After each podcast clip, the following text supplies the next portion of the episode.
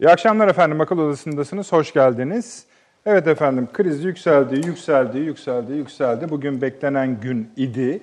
5 Mart'tır. Hala devam ediyor.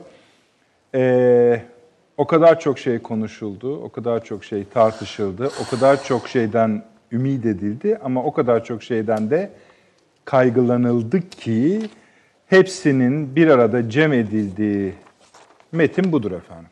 Bir burası var, bir de şöyle yarım sayfası var. Üste ve altta uluslararası protokollere ait paragrafları çıkardığınızda o yarım sayfayı da yok kabul edebilirsiniz. İşte 5 Mart'ın özeti, cem edilmiş hali, toplamı budur. Bu kadar mıdır? Hayır tabii ki bu kadar değildir. Bir, bir kere şunu söyleyelim. Bizim için biraz daha rahat bir metin olacağını varsayıyoruz bunları bunu yorumlamanın. Çünkü sade bir metindir.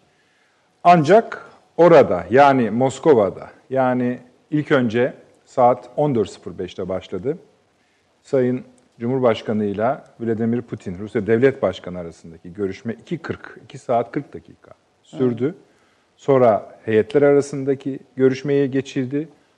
O da bayağı sürdü. Toplamı 6 saati aştı. Önce liderler basının önüne, kamuoyunun önüne çıkıp kısa bir e, sunuş konuşması yaptılar. Durumun ne olduğunu söylediler. Ama ilk başlık şu idi. Bu gece saat 00.01'den itibaren İsrail'de ateşkes, hayırdır inşallah İsrail nereden çıkıyorsa, Suriye'de e, ateşkes ilan edilecek ve e, geçerli olacak ve m, bütün tarafları doğal olarak bağlayacak. Şimdi bundan sonra da Dışişleri Bakanları Sayın Çavuşoğlu ile Sayın Lavrov çıktılar, metni okudular. Biz de okuduk. Biraz sonra sizde de parçalayarak üzerinden gideceğiz. Ne demektir, ne değildir bunları sizinle paylaşacağız, konuşacağız konuklarımızla. Bu süre içinde yani bugün bu görüşmelerle, bu ziyaretle, bu toplantıyla rabıtalı varsayacağımız başka gelişmeler de oldu.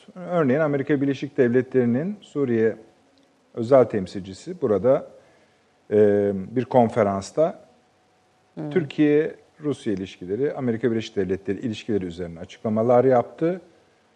Onu yorumlamamız gerekiyor. Çünkü burada bir Amerikan rolü var. Esasen krizin bu noktaya gelmesinde de bir Amerikan rolü var. Belki onu da bu akşam konuşacağız. Baş, başka bazı laflar da yükseldi efendim dün ve bugün. Bugün zirve yaptı ama dünden, evvelsi günden hatta kökleri var. İşte Esed'in akıbetine ilişkin bir takım konuşmalar yapıldı, yapılmaya da devam ediyor. Bunun gerçeklik payı üzerinde durmaya gayret edeceğiz. Almanya'dan açıklama var idi bugün. Mesela e, ABD Dışişleri Bakanı Pompeo çıktı dedi ki Türkiye'nin yanındayız. Onun haklarının kendisine yönelik şeyleri saldırılarda kendisini koruma hakkını tabii ki tanıyoruz dedi. Mesela Almanya'da Rusya'ya yönelik yaptırımları desteklediğini, yapılma, bunların devam etmesi gerektiğini söyledi. Bu önemli bir parçaydı. Çünkü bugüne kadar Amerika'nın sinirlerini de bozacak şekilde Berlin'le Moskova arasında bir iyi ilişkiler bütünü vardı. Ona ayrıca bakacağız efendim. Bunun parçaları tamam mı? Ona bakacağız en çok. Bu metnin parçaları üzerinde konuşacağız. Şu an bizim elimizdeki metin, yani şu anda en çok tabii metinden ziyade bu ikili görüşmelerde başka neler oldu? Hem heyetler arasında hem de liderler arasında. Tabii liderler arasındaki bölüm zamanla yansıyacak. Ufak parçaları yarına da elimize gelir. Ama şu an tabii çok taze. Bunları iyi anlamaya gayret edeceğiz. Ateşkes çok her tarafın apaçık söylediği birinci maddeydi. Bunun başarıldığı görünüyor, bu iyi bir şey. Şimdi bu metnin toplamanın Türkiye-Rusya ilişkilerinin ni ne kadar koruduğunu da bu akşam konuşacağız. Öyle bir durum da var. Çünkü birçok yorum bu metnin şu an yaşanan krizi donduracağını ama önümüzdeki günlerde, haftalarda ya da aylarda pek o kadar iyi bir yama olmayabileceğini söylüyor. Öyle midir değil midir ona da bakmaya gayret edeceğiz efendim. Bu metinde merakla beklediğimiz bir bölüm. Ee, gözlem anladığımız kadarıyla konuşacağız şimdi. Gözlem noktaları ve rejimin işgal ettiği yerlerdeki durumunun ne olacağına ilişkin metinde bir şeye herhalde arasından çekip çıkarmamız gerekecek biraz sonra. Ee, daha az görünür olduğunu söyleyebiliriz. Bu konuda merakımız vardır. Onları sizlerle de paylaşarak tartışacağız. Efendim, Sayın Avni Özgürel şu anda uçakta. Türkiye'ye doğru gelecek. Yetiştirmeye gayret edeceğiz. Çünkü neden? Ee, yani gerekirse son bölüm olsun inşallah yetişecek. Sadece bu metin değil biliyorsunuz. Ee, bir de uçakta konuşulanlar var. İner inmez buraya getirirsek çok iyi olur. İnşallah burada olacak. Rusya'daydı. İşte akıl odası da o toplantıdaydı diyebiliriz. Doğal olarak onun perde arkasında bizle paylaşacak. Profesör Doktor Süleyman Seyfi Ün hocam burada. Eksik olmayınız hocam. Hoş geldiniz. Profesör Doktor Nurşin Ateşoğlu Güney hocam burada. Merhaba. Hocam biraz ihmal ettiniz ama hadi bu seferlik bir şey demeyelim. Hoş geldiniz. Artık Sağ olunuz. Ankara'da.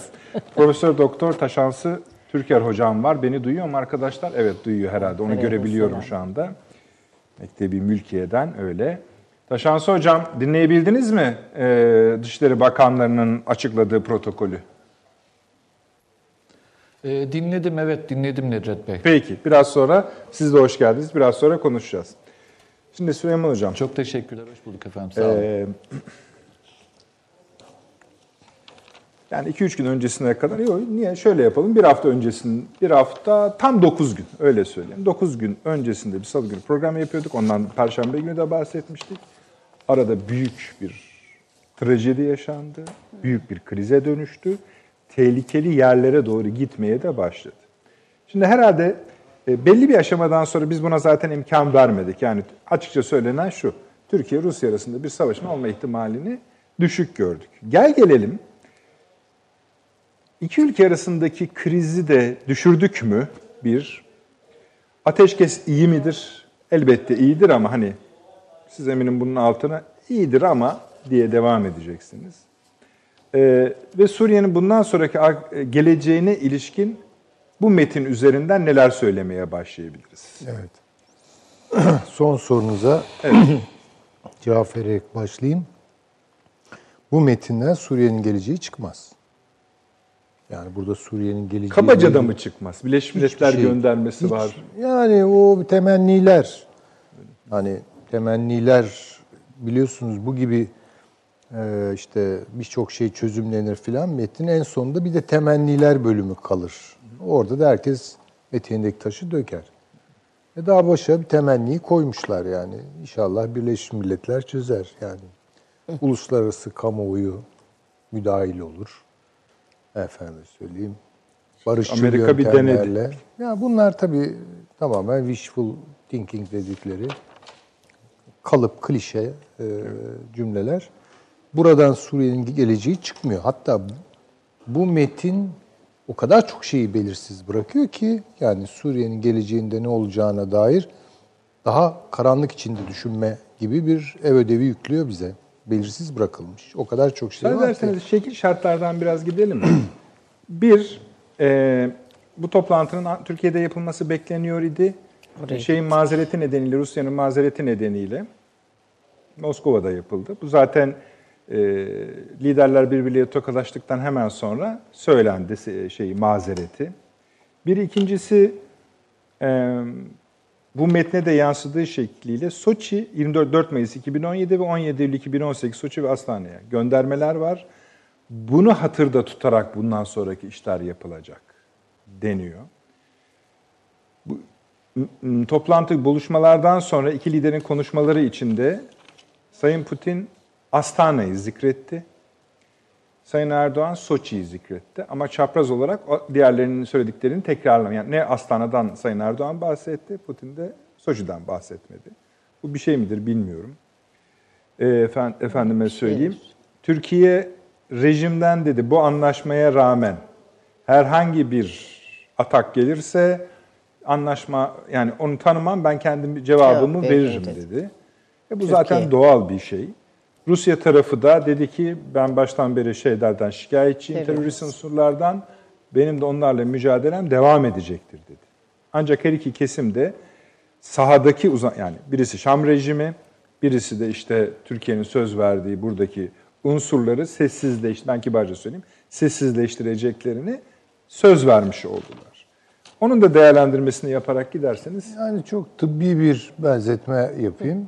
Yani yüksek tansiyon belli bir tahammül eşiğinin üstüne çıkarsa müdahale edilir ve ilaç marifetiyle düşürülür. evet, Ama bu tansiyon hastalığını tedavi etmez. Yani Aynen te- tansiyon değil mi? durur. Tansiyon devam aslında eder. ta- onun tedavisini de tam buldular mı onu da bilmiyoruz. da. Evet yani mesela yani tıpçıların söylediklerine evet. güvenerek e, söylemiş olayım bunu. Dolayısıyla Suriye'nin geleceği konusunda böyle bize ışık tutacak bir e, çıktısı yok bu toplantının anlaşıldığı kadarıyla. Ama şuna ben çok memnunum. Mehmetçiklerimiz ölmeyecek. Yani bırakalım her şeyi. Yani kolay bir şey midir? Yani hala travmatik etkisini yaşıyoruz üzerimizde. Hiç olmazsa yani Mehmetçiklerimizin ölmesi şu ya da bu vakte kadar e, engellenmiş oldu. Bu açıdan tabii ki çok memnunum. Yani her ateşkes bir nefes aldırır. Ve bu da bir tarafıyla nefes aldırıyor. 6 saat çok uzun bir zaman. Evet. Ee, bir hayli. Hele iki liderin baş başa yani 2 saat 40 dakika 3 saat konuşması yani Putin bütün gününü buna vakfetti. Karşılarken ama bunu söyledi. Yani bunları parça parça hepsinde konuşmamız gerekiyor Tamam. diye orada da Yani söyledi. göze ve öyle aldı oldu. demek ki. Bütününü dedi. Bu metinden çıkan şey şudur. Rusya ile Türkiye ilişkileri açısından bağlar kopmuyor. Evet. Ama e, bir buzul iklimine girilmiş olduğu açık. Yani bu çok korakor bir müzakere. Yani göğüs göğüse bir müzakere. 6 saat ne demektir yani? 6 saat. Dile Buna, yani çıktıya göre diye düşünürseniz ba- baktığınız zaman keçi boynuzu gibi hakikaten tadımlık bir şey çıktı. Ee, dolayısıyla anlaşamıyoruz. Yani bunu veri alacağız. Orta vadede, ileriki vadede anlaşabilir miyiz? Ya bunlar ayrıca tartışılabilir, konuşulabilir. Bu Türkiye ile Suriye arasındaki ilişkilerle de sınırlı değil. Daha küresel başka aktörlerle olan Aynen. İlişkilere bakmak lazım. konuşacağız. Bunların arasındaki ilişkiler yeni bir iklim doğurur ve o iklimde bu buzlar, buz kütleleri erir. Türkiye ile Rusya biraz daha. Ama şu da bence önemli. Yani öyle şeyler yaşadık ki şu son 15 günde. Evet. 10 gün. Yani çoktan kopabilir ilişkiler. Daha vahimleşir. Yani hatta acaba savaşacak mıyız falan gibi böyle canım, ihtimaller yani. Bugün çı- Ürpertici çıkan köşe ihtimal. yazarları içinde sevgili hocam Ayşe tatile çıkıyor mu yazanlar var.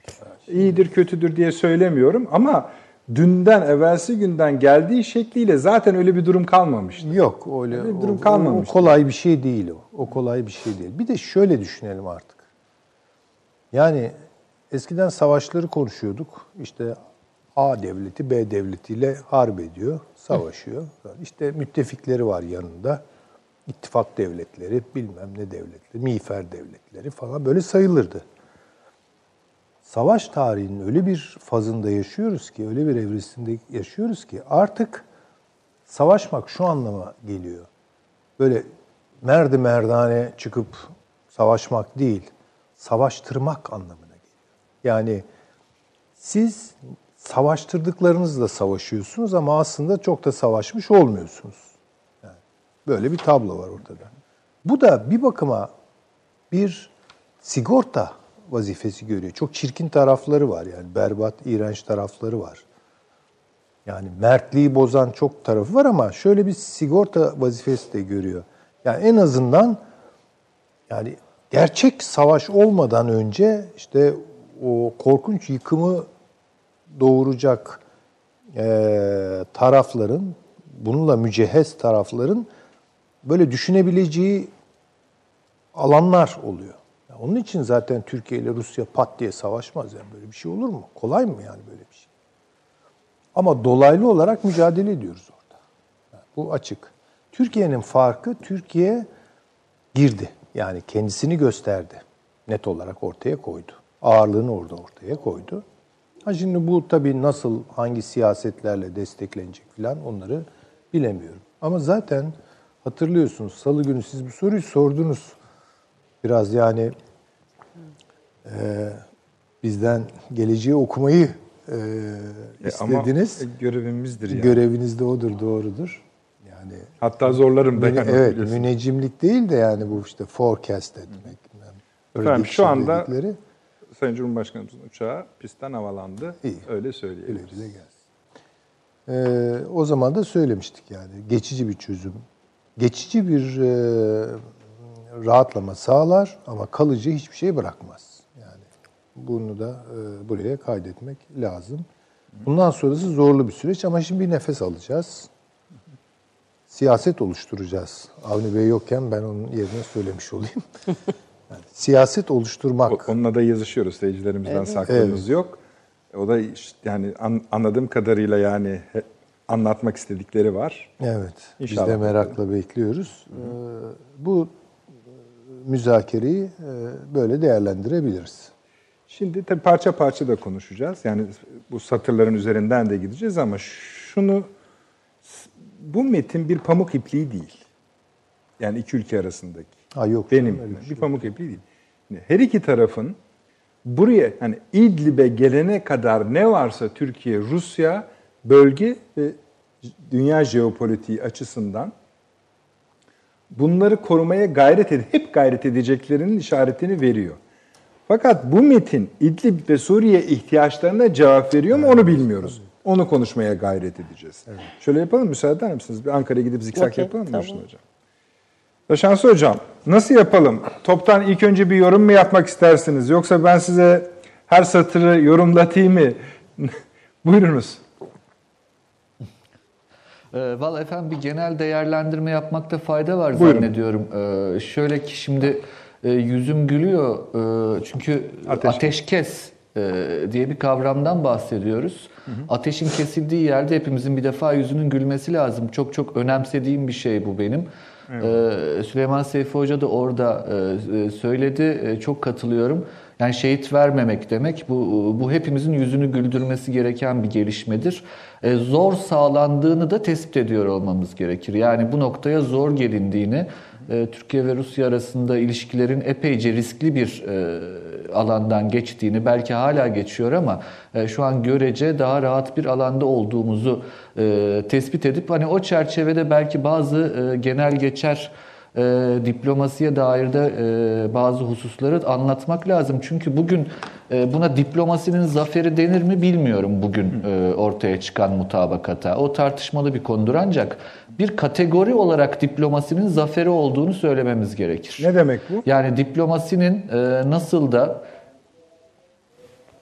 e, şu e, şu demek Nedret Bey, e, bu e, diplomasi e, aslında farklı pozisyonlara sahipken de bir şekilde uzlaşılabildiğini, ateş kesilebildiğini ve e, yarına dönük umutların beslenmeye devam edebildiği, edebileceğini gösteren bir yaklaşımdır zaten. Buna izin veren bir yaklaşımdır. Şimdi bugün Sayın Cumhurbaşkanı'nın ve Sayın Rusya Federasyonu Devlet Başkanı'nın açıklamalarına baktığımızda ikisi yan yana geldiler ve kendi önceliklerini söylediler. Ve kendileri açısından buradaki barışa tehdit olan kesimleri de taban, taban tabana zıt bir şekilde tanımladılar. Bundan imtina da etmediler.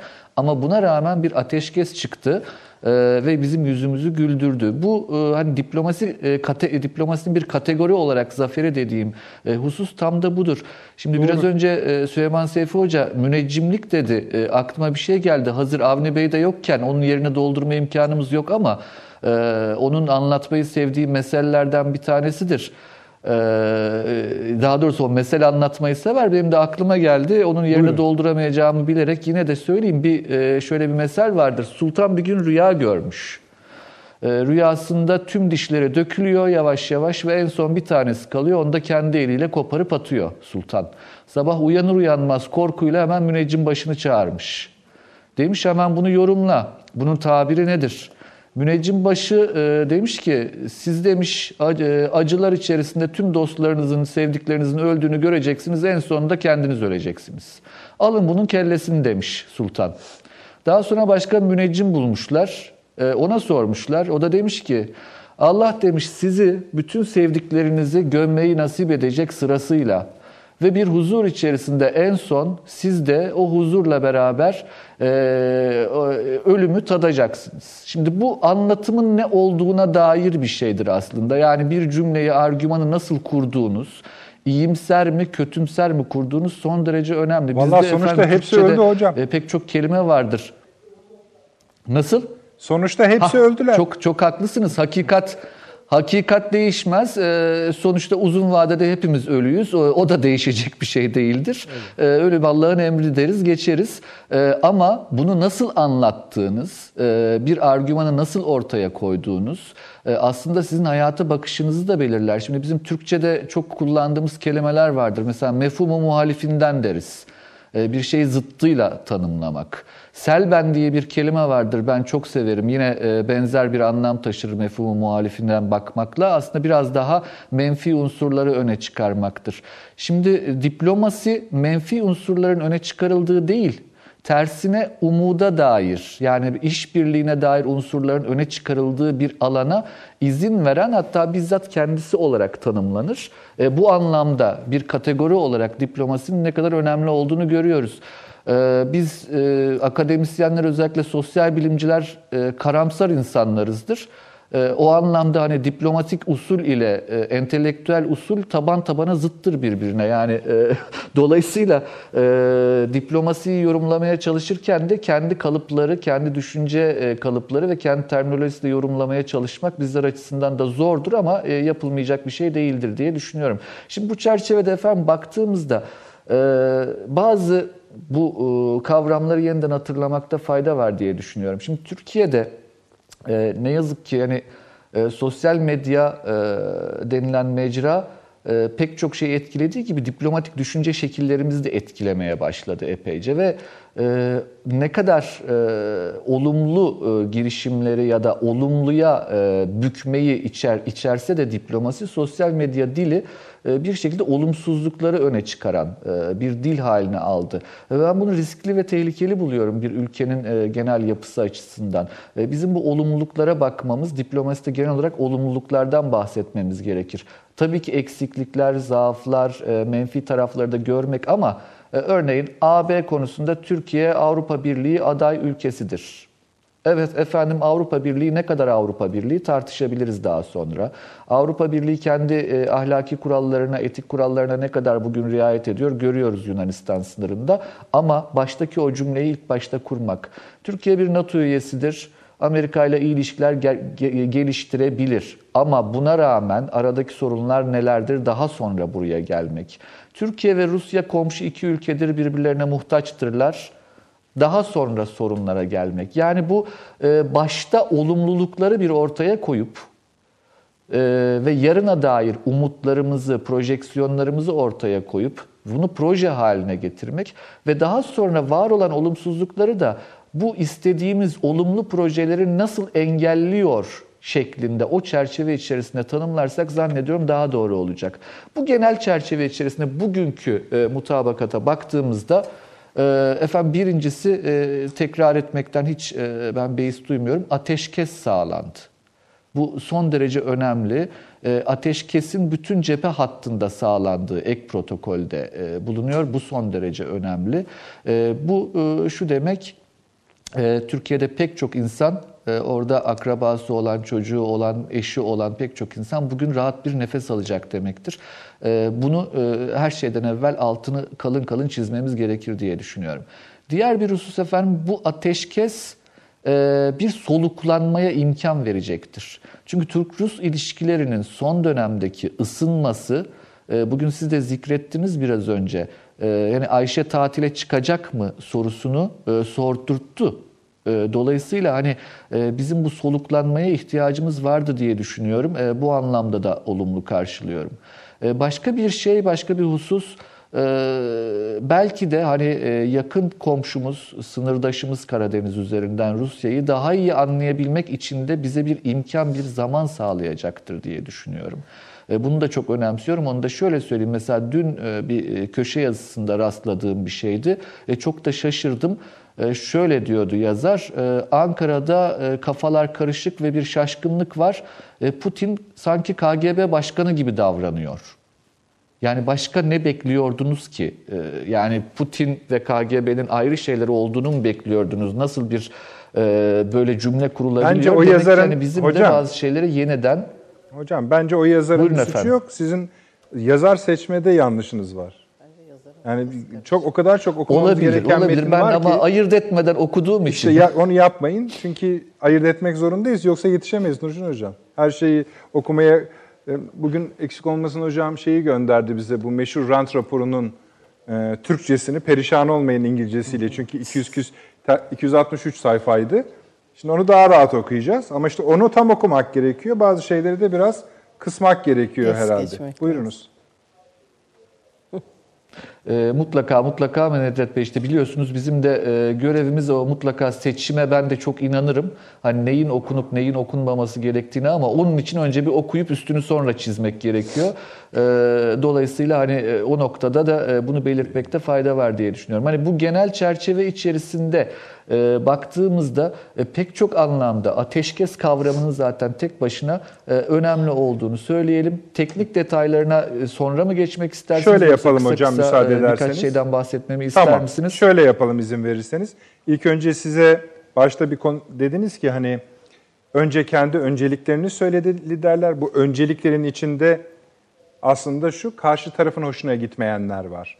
Yani işte hem Putin'in Tabii. söyledikleri içinde hem de Sayın Cumhurbaşkanı'nın söyledikleri içinde karşı tarafın e, hoşuna gitmeyenler de var. O açılış konuşmasında da kapanış tarafında da. Değil mi? Şöyle diyor bugün Rusya Diplomasi Akademisi'nden Orta Doğu uzmanıymış bu zat. Profesör Doktor Alexander Vavilov diyor ki uzun bir röportaj vermiş uluslararası kanala. Diyor ki İdlib'deki durum için tek çözüm yolu barışçıl etkileşim kurmaktır. Taraflar jeopolitik pozisyonlarına rağmen anlaşmalıdır. Yani sadece belli konularda değil Türkiye ile Rusya'nın uzlaşmazlığı ama jeopolitik dediniz mi ayrı dünyalarda duruyorsunuz demek esasında bir parçada.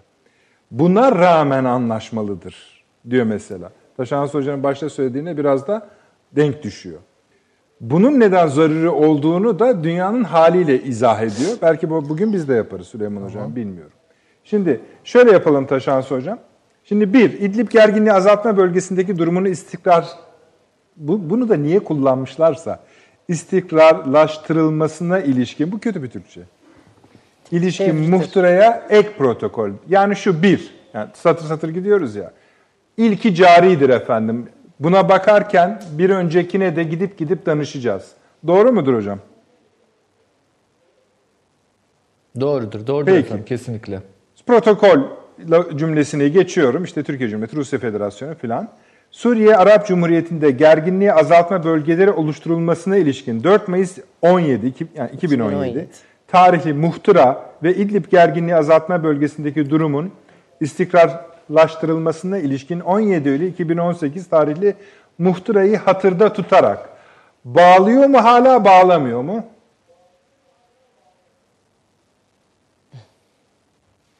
Taşans Hocam size soruyorum. Ee, ben son son, son Şeylere gönderme yapıyor ya hocam. mu dediniz? 4 Mayıs 2017 ve 17 Eylül 2018 tarihli muhtıralara referans veriyor ya. Diyor ki bu Evet. muhtıraları da hatırda tutarak diyor. Çünkü E, hatırda tutarak zaten altında imza var. Ee, Tamam. yani bunların bunu şunun e, için bu- soruyorum. Bunların genel çerçevesinin e, sürekliliği anlamına gelir tabii ki. Peki. Şunun için sormaktayım bunu. Ee, Sayın Putin Astana zikretti, Soçi zikretmedi. Başta açılışta söylemiştim. Sayın Erdoğan da Soçi zikretti, Astana zikretmedi. Demek ki geçerli hepsi hala. Peki. Suriye Arap Cumhuriyeti'nin egemenliğine, bağımsızlığına, birliğine ve toprak bütünlüğüne olan kuvvetli taahhütlerini yineleyerek. Ben bir tek ben buna biraz bir şey söyleyeyim Süleyman Hocam müsaade ederseniz. Bu her yerde o kadar çok tekrarlandı ki taraflar tar- ilgili ilgisiz tüm taraflar bunun altını çizdiler. Ben bir tek bundan korkuyorum. Yani yerine gelmeyecek diye.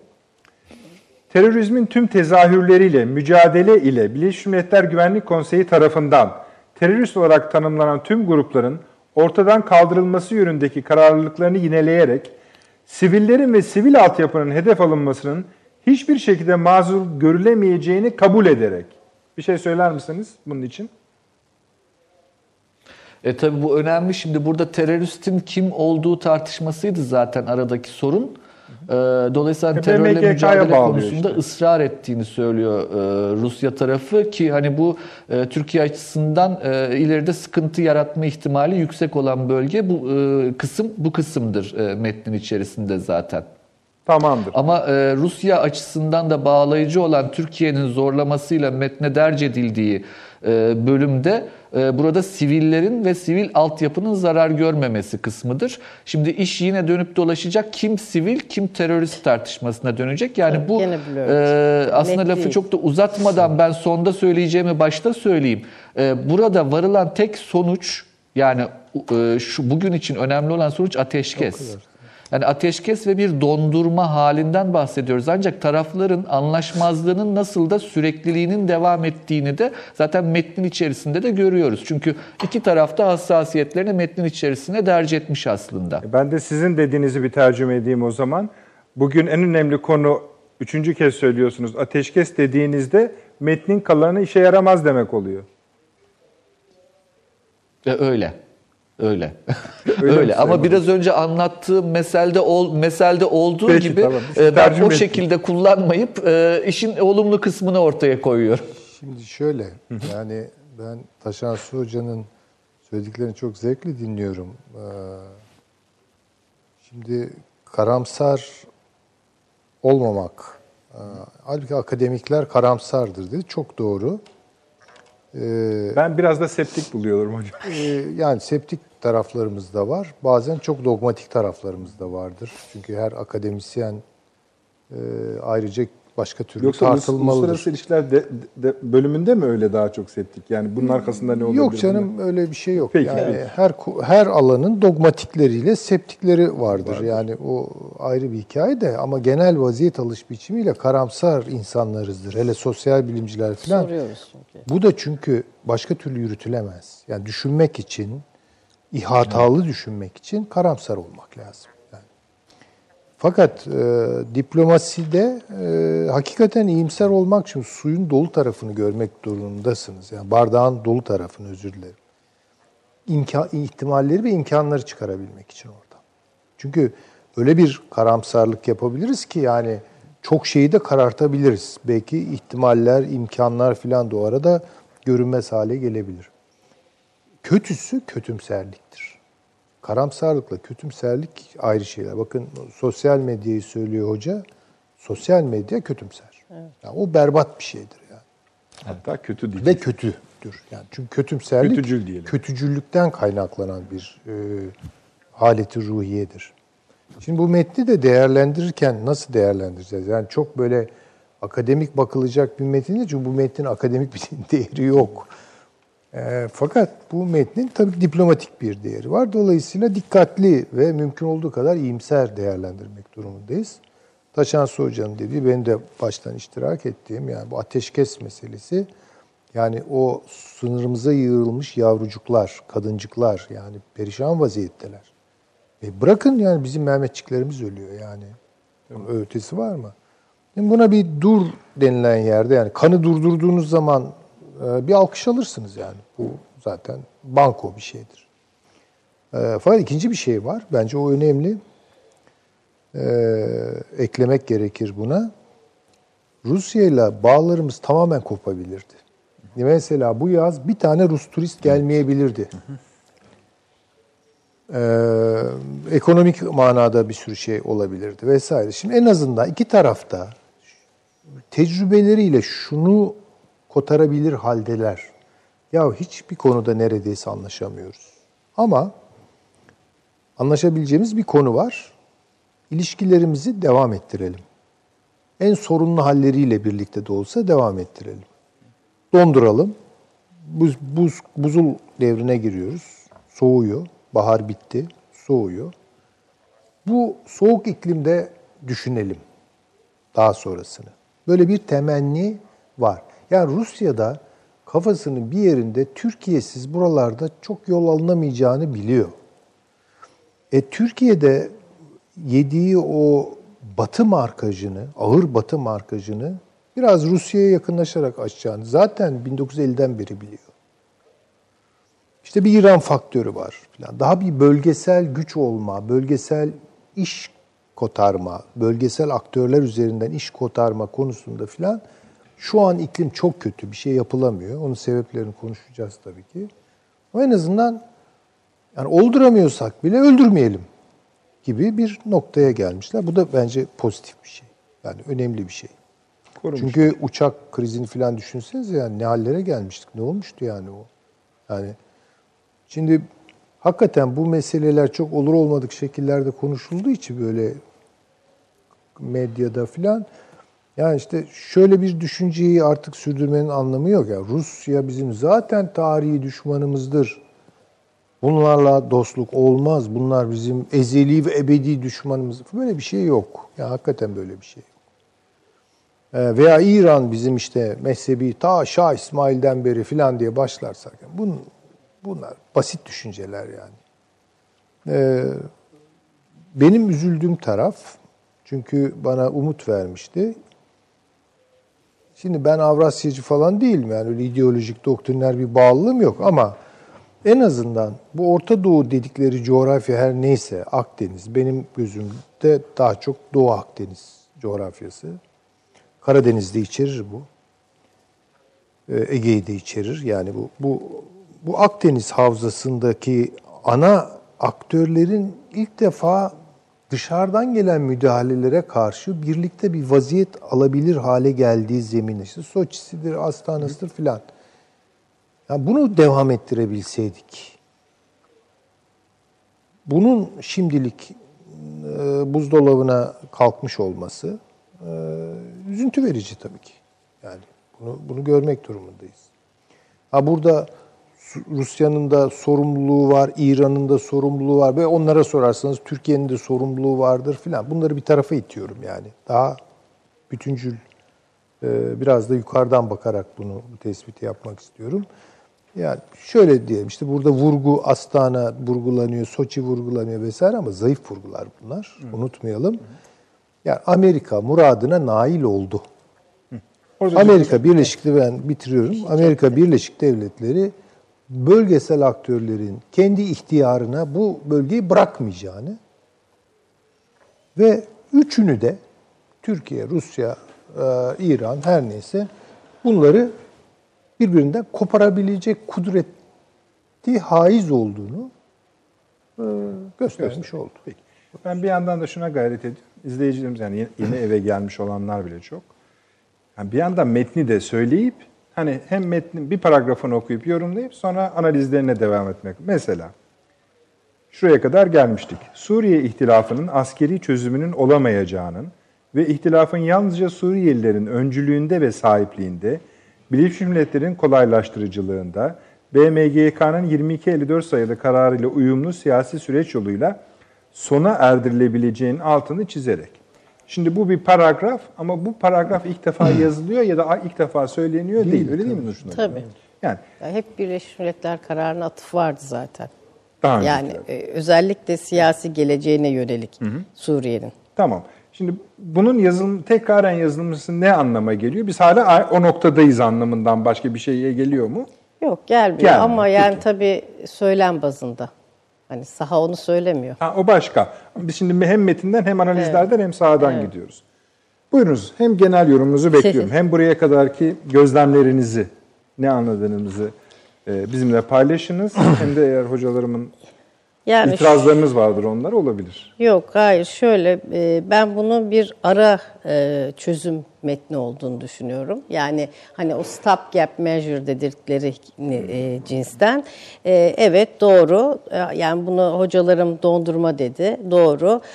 Bu ateşkesin aslında tarafların birbirlerini zorlamak suretiyle geldikleri nokta. Yani çok kolay gelinmemiş görünüyor.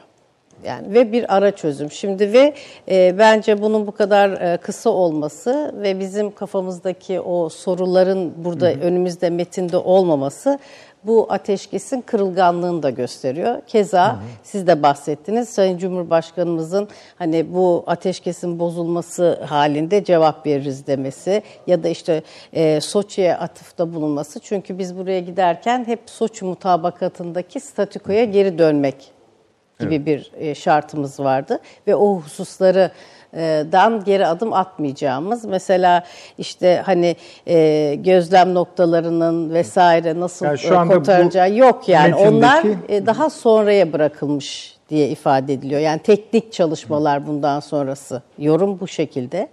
E, dolayısıyla bu Milli Savunma Bakanlıklarına hı hı. bırakılan görevin o olduğunu da mı düşünüyorsunuz? Yani öyle tahmin şey, ediyorum. Tahmin yani teknik tamam. olarak. Bu metin onu tam söylemiyor. Söylemiyor evet. ama tabii onu söylememesi e, bu ara çözümün ne kadar zor bir araya gelindiğini e, ama tabii ateşkesin sağlanması çok kıymetli an itibariyle e, ama o sahadaki işte e, 0001'e kadar olan durumu donduruyor.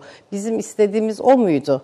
Şimdi bu da bir başka soru işareti. Yani demek istediğim biz çünkü Soçi'ye atıfta bulunmuştuk. E, 2017 metni. Neden sadece ateşkesle sınırlı olduğunu düşünmeyelim? E, Sahayı da donduruyoruz. E, donduruyor. Ateş, ateş olmadığına göre. E, tabii yani donduruyor. onu da bekliyoruz. Bizim Hatta şimdi orada bir takım... izleyicimiz şöyle yazmış. Evet. Bu rejimin de toparlanmasına yararlı olmayacak mıdır? Yani... E, Artık hani tali bir sonuç. E, tabii şimdi e, yani buradan var. sonrası ne olacağı çok önemli Hı. bence. Şimdi bu bunu donduruyor. Bu şimdi dediğim gibi bir geçici ara çözüm. E, bundan sonra e, ne olacağı çok önemli. Yani bir defa bu ateşkesin bu dondurma halinin e, bizim istediğimiz e, resme tekabül edip etmeyeceği bundan sonra. Hani o teknik çalışmalar vesaire. Çünkü birçok detay var. Bu rejimin toparlamasına mı e, e, yardımcı olur yoksa bizim beklendiğimiz e, çözüme dönüşe mi hızlandırır ya da durdurur? Yani pek çok soru var. Çünkü metinin e, içinde detayları göremiyoruz. Ama bir şey var. E, evet ateşkes çok kıymetli ama umalım ki bu sürdürülebilirdir. Hep ne deniliyordu? Kalıcı bir ateşkes. E, bu bağlamda da Cumhurbaşkanımızın Soçi'ye e, e, e, Sayın e, Putin'in de Astana'ya e, göstermesi ya da referans vermesi bir farklılığı gösteriyor. Hep dediğim gibi bizim o 2017'deki mutabakatı işaret etmemiz ve arzu ettiğimiz, e, gelmek istediğimiz nokta. Öbür tarafta da azami e, müşterekler yani en e, başında Astana'da üç liderin bir araya getiren ama Suriye'nin bütünüyle ilgili olarak her konuda anlaşılamayan e, bir noktaydı. E, azami değil, askeri müşterekler yanlış söyledim. Dolayısıyla hani böyle bir o başta oraya giderken taraflar arasındaki farklılığın aslında zihin dünyasında hala mevcut olduğunu gösteriyor belge bir defa. Evet. E, şimdi buradan e, sonrası tabii e, dediğim gibi e, bunu sahada uygulanabilirliği ne olacak? Yani şimdi biz e, taraflar bir araya geldi ama e, sahada e, rejim, İran milisleri e, gibi e, bir takım unsurlar da var. Bunun e, bir de ayrıyeten hani e, terörist olarak e, işte e, Putin tarafından e, dillendirilen e, grupların e, nasıl davranacağı e, bu da bir husus. Bu gerekçe de yani ateşkesi bozma gerekçeleri neler olabilir? Hani ben e, biraz e, olası kötü senaryo üzerinden düşünerek gidiyorum. Bu e, bize de e, zaman kazandırır. Yani şu anlamda e, bir diplomasiyi, çoklu diplomasiyi bir şekilde çalıştırmak babında ve tabii e, sahadaki askerlerimizin bir şekilde güvence altına bir süre için içtiyse bunu koruma adına önemli bir durum. Ama bizim oradaki tahkimatımız var yani ve orada duruyor. Eğer olası bir ters durum olursa zaten Sayın Cumhurbaşkanımız bunun e, cevabının verileceğini söyledi. E, tabii bakalım e, şimdi bu e, Amerika Birleşik Devletleri tarafından nasıl yorumlanacak? Bu da önemli. Hı hı. Ee, burada e, hocam bahsetti hani bu Astana fişi meselesi vardı. Yani şimdi bu e, iki taraf arasında yakalanan bu işte e, üçlü mekanizma kıymetli bir mekanizmaydı. Çünkü e, Türkiye'nin e, işte Amerika Birleşik Devletleri ile Suriye genelinde özelinde değil ilişkilerini dengelemesine e, bir şekilde meydan veriyordu. Ve şu anda işte son iki gündür Amerika Birleşik Devletleri'nin e, devreye girmesi getirmesi, e, işte yanınızdayız ya da işte e, sizi anlıyoruz gibinde Bu söylemleri vesileyle biz programın ilerleyen bölümünde, bugün biraz uzun yapacağız efendim, Avni Bey de geleceği için uzun programı tutacağız. Ee, Yani şunu söylemek istiyorum. Amerika Amerika, aslında. İdlib, İdlib kapısından bir giriş yaptı. İnsani boyutu gündeme getirmek suretiyle Türkiye'nin haklılığını yani tamamen söylem bazında işte Birleşmiş Milletler'e referans vererek ve hiçbir sorumluluk üstlenmeyerek şimdilik ve bugün de biliyorsunuz bir e, uluslararası e, konferans vardı. Vardı. Orada James Jeffrey'i hepimiz dinledik. Yani e, e, dolayısıyla hani şu anda ben Amerika Birleşik Devletleri'nde bir arada olduğunu düşünüyorum. Yani nasıl bir strateji izleyecek e, somut olarak belli değil. Ama unutulan bir şey var. O da e, hani Suriye'nin genelinden bahsediyoruz ama İdlib özelinde bir anlaşma var elimizde. Her ne kadar Sayın Putin bunun Suriye bütününü ilgili ya da bir bütünden bahsedildi. Artık ikili ilişkilerde bunun içerisinde mi bilmiyorum. Herhalde o da vardır. Çünkü arada göz ardı edilmeyecek kadar e, iki tarafı da e, birbirinden ayırmayacak ciddi e, mesafeler de alındı. Yani işte ticari Dönülmesi boyutta olsun, enerji boyutunda olsun. Yani bir tek bizim için değil, Rusya'nın da kaybedebileceği şeyler var. Dolayısıyla bu bağlamda Amerika'nın hani tıpkı Rusya'nın 2015'te e, e, Suriye'ye arka kapıdan rejim şeklinde girişi ve oradaki tahkimatını sağlaması. Bugün de e, benim aklımda bir soru bu PYD meselesini ve PKK'yı Amerika'nın soğutarak sanki öyle bir şey Suriye'de öyle bir konu yokmuş gibi sadece İdlib özelinden insani boyutların altını çizerek sanki kapıdan geriden durmak suretiyle bir giriş yaptığını ben düşünüyorum. Yani İdlib bayağı kalabalıklaştı aslında. Hani biz e, işte rejim, e, Türkiye, e, Rusya, İran derken e, bir şekilde Amerika'nın da gölgesinin orada olduğunu ben düşünüyorum ve buradan ne planlıyor? Yani hakikaten o aslan afişini çekmeyi başardı mı geçmişte söyledikleri gibi? Siz ne düşünüyorsunuz? E yani onu zorladığını düşünüyorum. Şu, şu nedenle çünkü e, siz de bahsettiniz mesela Almanya'nın yaptırımlarından bahsettiniz. Batı'da bir Rusya'yı yalnızlaştırmak ve e, onun yanındaki ülkelere yönelik bir e, yaptırımlar ve yalnızlaştırmalar silsilesi görülüyor. Türkiye'nin de konumu belli ve e, bölgede çok önemli bir e, konumda. Yani hep bunu söylemiştim. Önceden de ne tarafa doğru meyledileceği tabii ki bu üst seviyedeki büyük jeopolitik resmi etkileyecek. E, bu mücadelede hali hazırda devam ediyor. Dolayısıyla Amerika'nın istediği tabii kendisinin kafasındaki bir Türkiye modeli. Eski günlerde olduğu gibi. Ama herhalde Türkiye'de e, bunun farkında ki e, bu, bu bu içeriğini tam olarak bilmediğimiz bir ara çözüm bile olsa e, Rusya ile ilişkilerini e, belki belirli alanlarda dondurmaya ama kaybetmeyecek bir e, hale sokma çabasında olduğunu ben düşünüyorum. Peki, daha var konuşacaklarımız.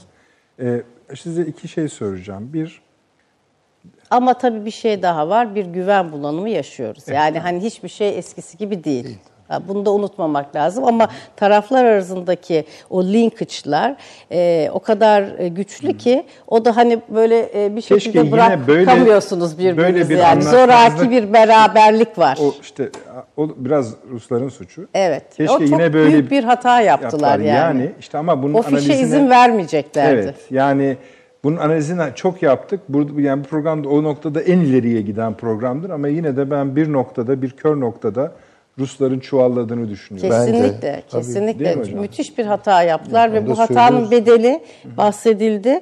Büyük bir yalnızlığa düşecekler ve e, güçlerinin de azami sınırlarındalar. Bunun da farkındalar mı bilmiyorum. Maliyetlerinin Tabii. Buyurun hocam. Yani ben tamamen katılıyorum. Zaten bunu biz de e, çeşitli programlarda söyledik. E, bu Rusya'nın hatasıdır. Ama bu hatayı yapmaya mecbur bırakıldı mı? Ha işte yani onu- bunu biz görüyoruz. Yani Rusya'nın görmemesine imkan yok. Bana kalırsa e, bir, bu hatayı yaptırttılar. Yani bu daha ileri bir şey olacak. O da büyük ölçüde Çin'le ilgili yani bence e, söylüyorum tekrar düşmüşüm düşmeyeyim ama Çin kartının şu an çekilmesi bütün o e, karttan kuleleri çökertti yani. Öyle söyleyelim. Evet. Domino etkisi yaratıyor. Rusya Avrupa ilişkileri çok kritik. Hele şu dönemde çok çok kritik. müthiş bir baskı yiyor İsrail'den. Farkında değiliz ama bu hani Netanyahu çat kapı gidiyor, çat kapı geliyor. Yani her kapıyı açışta e, bence e, vidaları falan sıkıyor yani. Ve Rusya'yı da çok daha iyi biliyorlar tabii. Sermaye gücü açısından, imkanları açısından vesaire. Yani belki de öyle oldu. Bilemiyorum.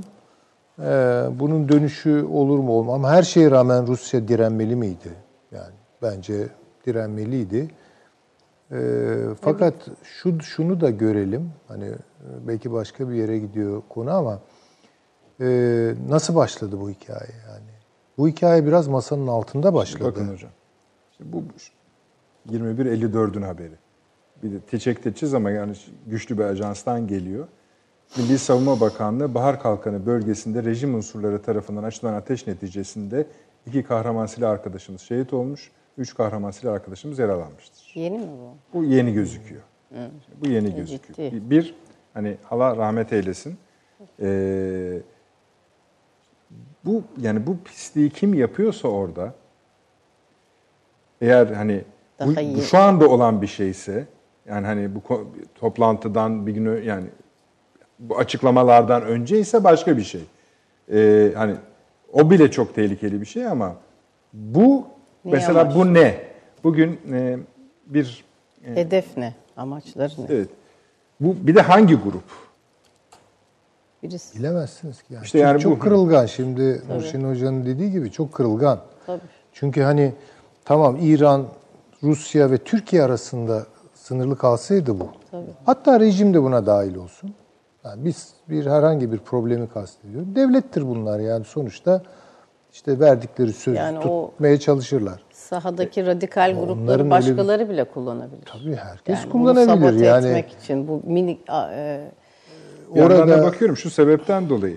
Şimdi bu eğer bu yeni ise yani biraz başka bir ülkeden şüphelenmekte fayda olabilir. Yani onu bir faydadan ziyade hani bir düşünelim yani. isterim.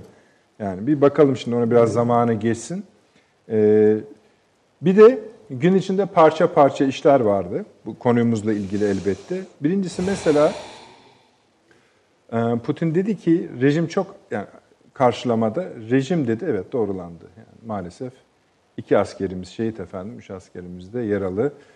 Ee, işte bakmak lazım öyle söyleyelim. Rejim dedi çok ağır askeri zayiata uğradı dedi. Şimdi bunu karşılamada yapıyor. Şimdi mesela bir, aynısını Jeffrey'den örnek vereceğim. Bu tür laflara hiç kanmayacaksınız. Yani ağır hasar görsün görmesin o bizim işimiz değil. Ama şuna getiriyor. Bir kişi de çıkıp demedi bugün. Yap, tamam işte yani yapacağınızı yaptınız durun.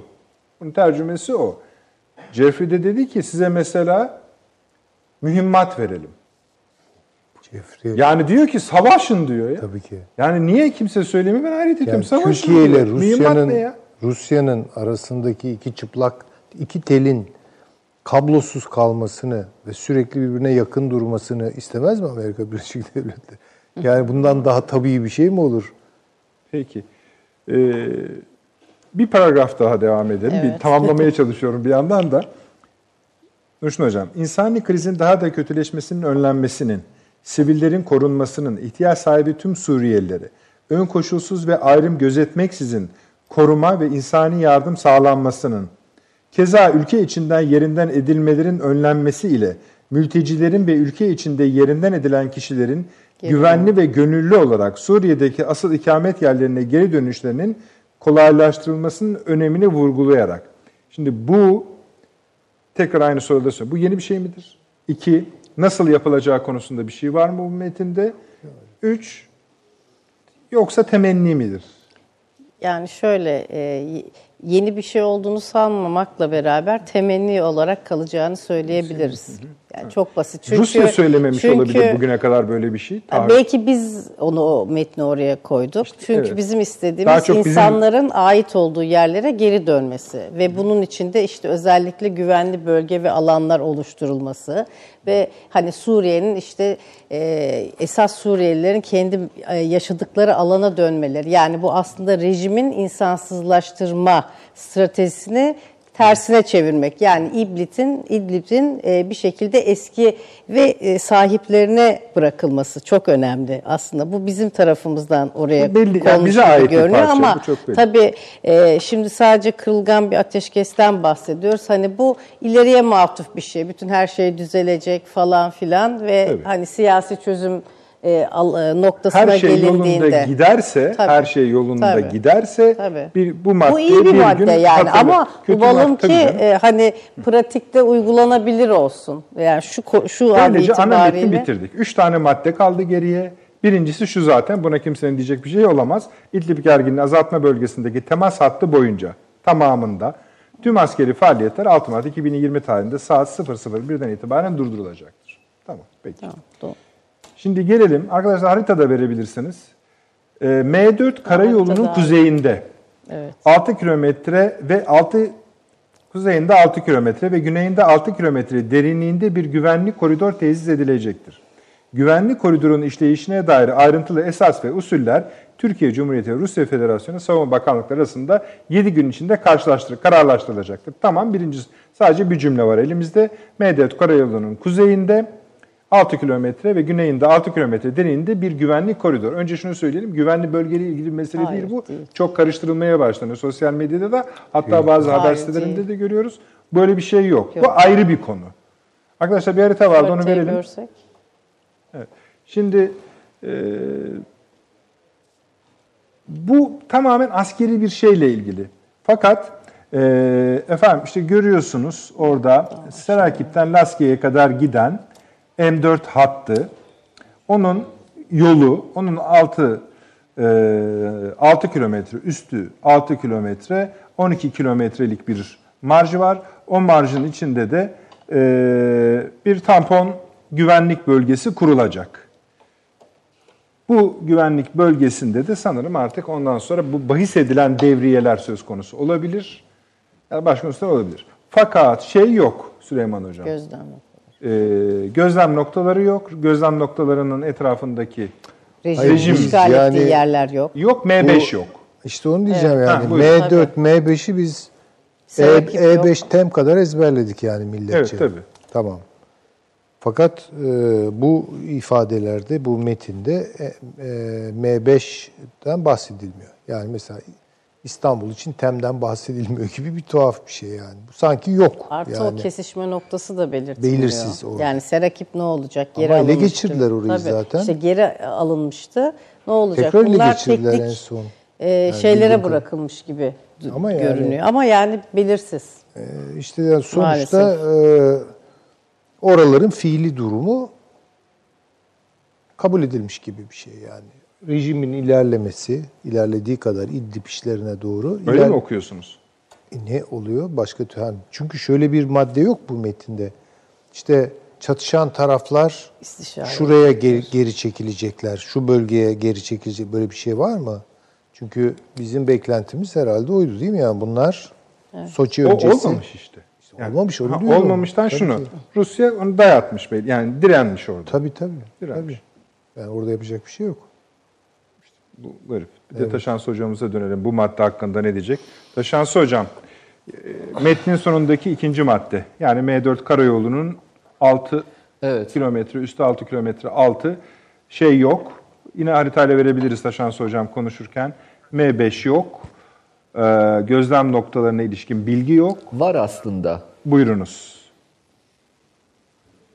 Şöyle var efendim yanlış hatırlamıyorsam metnin içinde şöyle bir tabir olsa gerek. Temas hattının donması. O baştaki e, kısım değil mi? Karşılıklı çatışan grupların temas temas hattında e, sabitlenmesi. E, bu şu demek, e, Güzel. kim neredeyse bulunduğu pozisyonu koruyacak demektir. E, tamam ama Bravo, hocamın dediği işte. Yani- Serakip'te Tabii, tabii. Her- herhangi şey bir geri çekilme, ileri gitme durumu yok. Tamam. Ee, Şimdi bu e, bahsedilen madde sadece ve sadece devriye atılacak olan bölgeyle alakalı. Yani M4'ün kuzeyi ve güneyinde 6 kilometre derinliğinde yani toplam 12 kilometre derinliğinde bir bölge ki zaten e, şu anki sahadaki pozisyon da e, buna uyuyor aslında. E, bu bölgede 12 kilometrelik e, iki birliğin e, devreye atacağı askerden arındırılmış e, çatışmasızlık bölgesi vesaire. Ama ardında kalan bölge yani kuzeyinde kalan bölge şu an sizlerin de gördüğü M4'ün kuzeyine doğru bakacak olursak o bölgedeki şu anki Türk askeri varlığının aslında meşru olarak orada bulunması anlamına geliyor. Bu önemli bir kazanımdır bugün açısından. Çünkü e, dün mesela Rusya Milli Savunma Bakanlığı'nın yaptığı açıklamada e, Türkiye'nin bu bölgeye yaptığı askeri tahkimatın e, aradaki anlaşmalara uygun olmadığı iddiası vardı. Şimdi bugünkü bu mutabakatla şu an e, orada bulunan askeri tahkimat kabullenilmiş oluyor.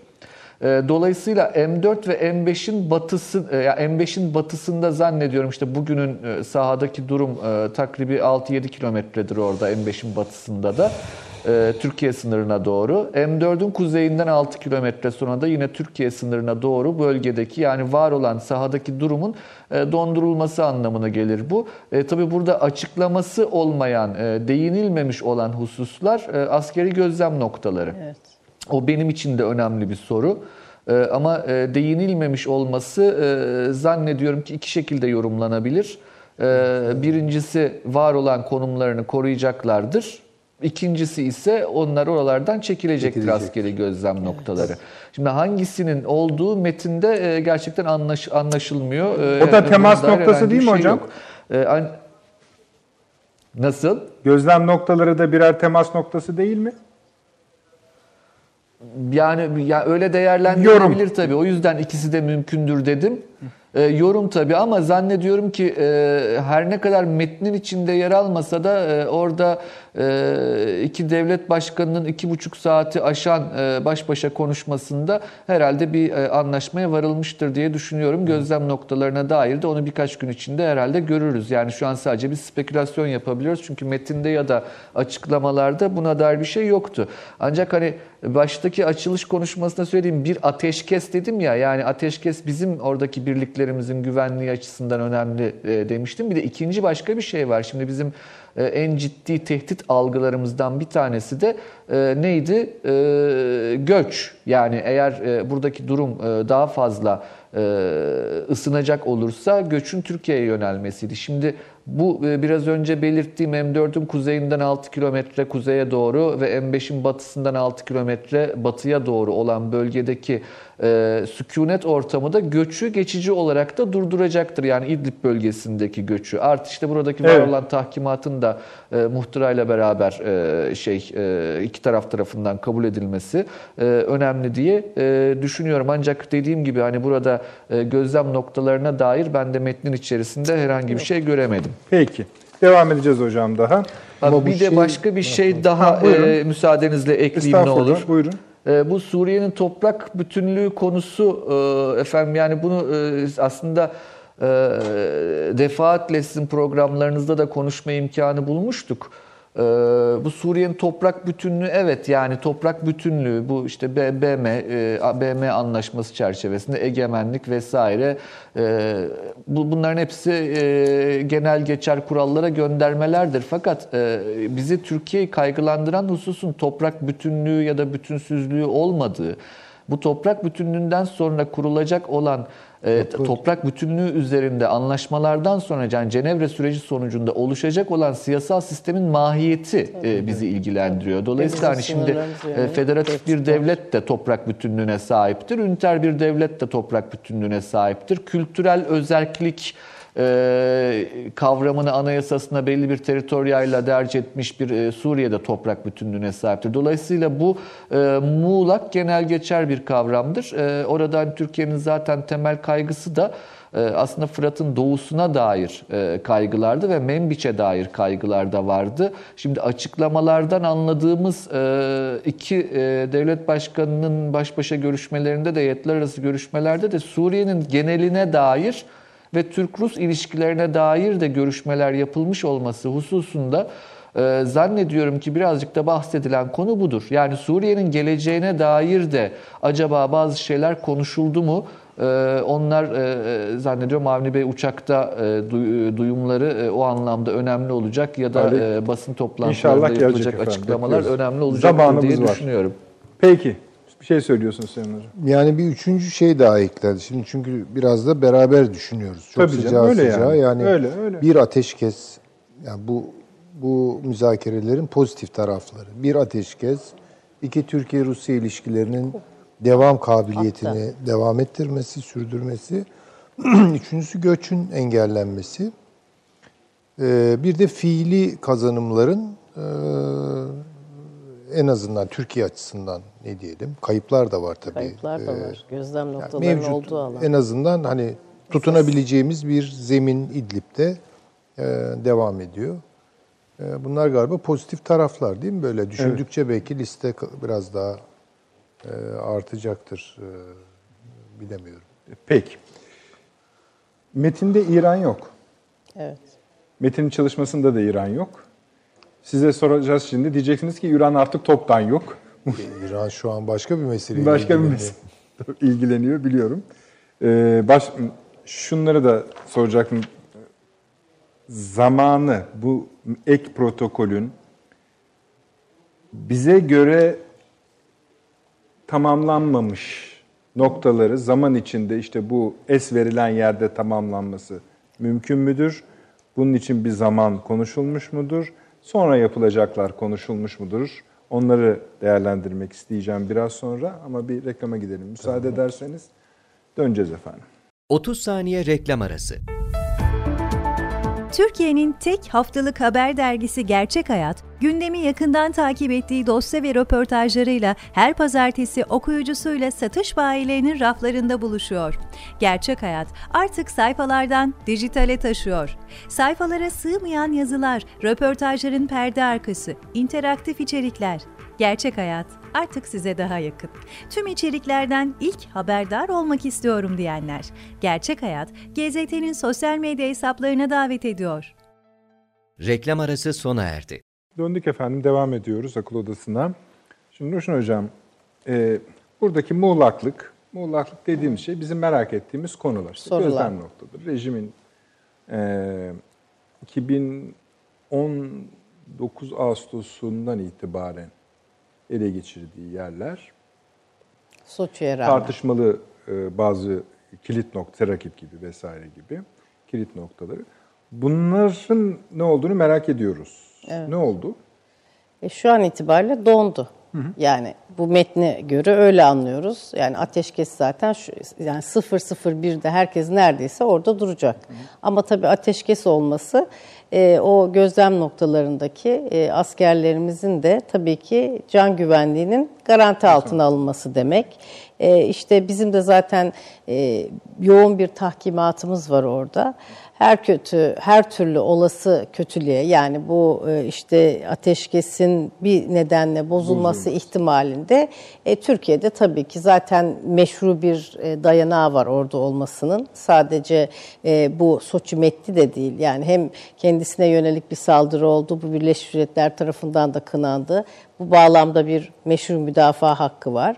E, dolayısıyla bu anlamda yola devam edecek. Yani umalım ki tabii e, şu anda iki tarafta var olan yani bu İblit üzerinden rejimle e, işte Türkiye'nin karşı karşıya kaldığı konum üzerinden e, Türk-Rus ilişkilerini bir şekilde şu anda e, kurtarma çabası aslında. Yani bence e, Rusya da e, Türkiye'yi e, gözden çıkarmış değil henüz ama bu e, gidişatın nasıl evrileceği yani ikili ilişkilerin o kazandığı ivmenin den şu anda biraz geriye düşmüş durumdayız. Ne bağlamda? Güven bunalımı var tabii ki. Yani bu Moskova'ya gidinceye kadar bile e, tarafların e, birbirleri hani önce bir dörtlü e, görüşme olacaktı Avrupalıların da katılacağı hatırlarsanız. Onu istemedi Putin. Sonra e, işte e, e, Rusya bize gelecekti e, olmadı. Bir bahane gösterildi vesaire. Yani hep böyle bir ertelenen e, hatta e, bu e, çatışmalar sırasında yani biz şehit vermeden önce sanıyorum e, Rusya'dan e, Rusya ile bir liderler görüşmesi olur mu diye soru sorulduğunda böyle bir planlamamız yok denildi. Yani hep böyle bir e, zikzaklar, gelgitler, bir Bir ara isteksizlikler. İşte O da var. Ha, İran bir araya girmeye çalıştı çalıştı. falan. Yani böyle Astana arasındaki o garantör e, ülkeler arasındaki o güven e, şeyi e, kalmadı açıkçası. Yani bu yaşananlardan sonra zaten şimdi sahada şu anda evet ateşkes ve dondurulmuş durumda ama tabii jeopolitik gidişat da eminim bu metin üzerinde etkili olacak diye düşünüyorum. Yani tabii Yani şu anda jeopolitik e- etki dediğiniz zaman Amerika konuşacak. e, tabii ki yani onların e, şimdi tabii onların e, olumlu ya da olumsuz katkıları da olabilir. Yani hani şimdi bakalım şimdiye kadar düşünüyoruz dediler. Yani mühimmat vereceğiz ne demek? İçi boş bir kelime yani sadece e, yani hani Türkiye'nin isteği belli çünkü. E, o bağlamda e, bence onlar da bu görüşmeyi beklediler. Yani bu Moskova'dan ne çıkacağını bakıp Peki, ondan sonra özellikle bugün Türkiye'de bu kadar bulunmalarının sebebi Rusya-Türkiye ilişkilerini domine etmek mi? Yani E tabii ki. E, en çok o. Yani zaten yani Türkiye'nin e, e, Rusya yanında e, bu yönde ilişkilerini çeşitlendirmiş olması e, Amerika Birleşik Devletleri'ni çok rahatsız etti. Yani o onu tamamen mümkünse koparmak. Esas olan o. Peki bir şey daha sorayım. Türkiye bu domine etme varlığını Rusya'ya karşı yani e, en azından e, görsel olarak diyelim öyle şeklen bile kullanmak istedi mi? E, Rusya'ya karşı, e, Amerika'ya karşı demek istiyorsunuz. Hayır Rusya'ya karşı Amerika'nın Türkiye'deki varlık ve taleplerini. Mesela Yo, Cem hiç, Şef- sa- hiç sanmıyorum e, yani. Mesela e, Yo, ama Rus basını yani Taşan Soğuk Onlar herhalde öyle de algıladı. Yani, Yani bu bir şekilde pompalandı ama nasıl benim de oldu bilmiyorum. takip yani edebildiğim kadarıyla ya şu an Türkiye konusundaki hissiyat Rusya'da bu kamuoyuna da sürekli pompalanıyor. pompalanıyor ama. Evet. Şimdi ama o bir propaganda ama. yani da olabilir, tü- e, şunu söylemeye çalışıyorum. sonuçta etkili bir şeydir. Evet yani. ama Türkiye şimdi bat- yani Amerika ile e, sözlü bir ifadenin dışında yanındayız, destekleyeceğiz, düşünüyoruz, yapacağız, edeceğizin dışında somut olarak ne tür bir ilişkiye Burada girdi? şey Nurşin Yani Hocam, hani- şöyle bir ev hani ne diyeyim hani şehir söyle urban Evet, legend evet, ve şehir söylencesi dönüp dönüp duruyor. Rusların diyorlar bütün bu şeyinin çıkış noktası Türkiye Amerika ilişkilerinde bir başka aşamaya geçildiği yönündeki artık ona ne dersiniz? Paranoya mı dersiniz? Şüphe mi dersiniz? Ellerinde bir şey mi var vesaire bilmiyoruz. Ama bu nedir sorusunun cevabını ben de bilmiyorum. Ama böyle bir şey yok aslında. Bunu birisi yarattı. İşte fişle geldi. Yani aynen. Ben bunu söylemeye çalışıyorum. Çünkü Türkiye somut olarak Şimdi bir şey de yapmadı daha. Yani Süleyman hani Hocam, bir Astana mutabakatı gibi bir şey bile yok. Var mı? Amerika ile arasında. Evet. Ha yok canım. Bunu şey. demeye ihtiyaç- NATO'dan çıkan karar da ortada. İşte Jeffrey'e sorarsanız bizim de dedi e, Ruslarla dedi çok Evet, iyi ilişkilerimiz var var. dedi. Hatta derin ilişkilerimiz var. Bizi Evet. de dinlemiyorlar dedi. Evet, aynen öyle. E, bu bana şu demektir yani elini din, yıkayıp çıktı. Yani aradan. Türkiye Rusya arasından çıktı. Ben öyle anladım. Neyse. Burada ben hani yine konuşalım Amerika'nın rolünü ama e,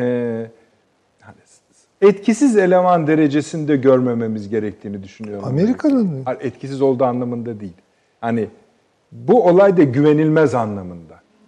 Amerika'ya güvenmek. Tabii tabii. Zaten ona güvenmiyoruz. peki. Yani güveniyor muyuz? Bir şey mi? Artık tecrübe üstüne tecrübe. Hiçbir büyük güce güvenmiyoruz aslında. O, başka ayrı, yani. jeopolitik anlamda söylüyorum. Şey Ben de gibi- o zaman bundan Tabii. ne umduklarını merak ediyorum. Bu kadar basit bir ağız oyunundan. Yani Amerika'nın Tabii, mı? tabii. Hocam, Amerika'nınki çok net olarak yani. Amerika bakın böyle parça parça bakınca hakikaten bazı şeyleri göremeyebiliyoruz. Ee, dünyayı bir kum torbası gibi düşünün. Amerika'yı da bir boksör gibi düşünün. Şu an bütün dünyayı dövmekle meşgul Amerika. Yani esaslı bir kroşe Çin'in suratında patladı. Öyle söyleyeyim. Esaslı bir e, ne bileyim aparkat yedi Rusya.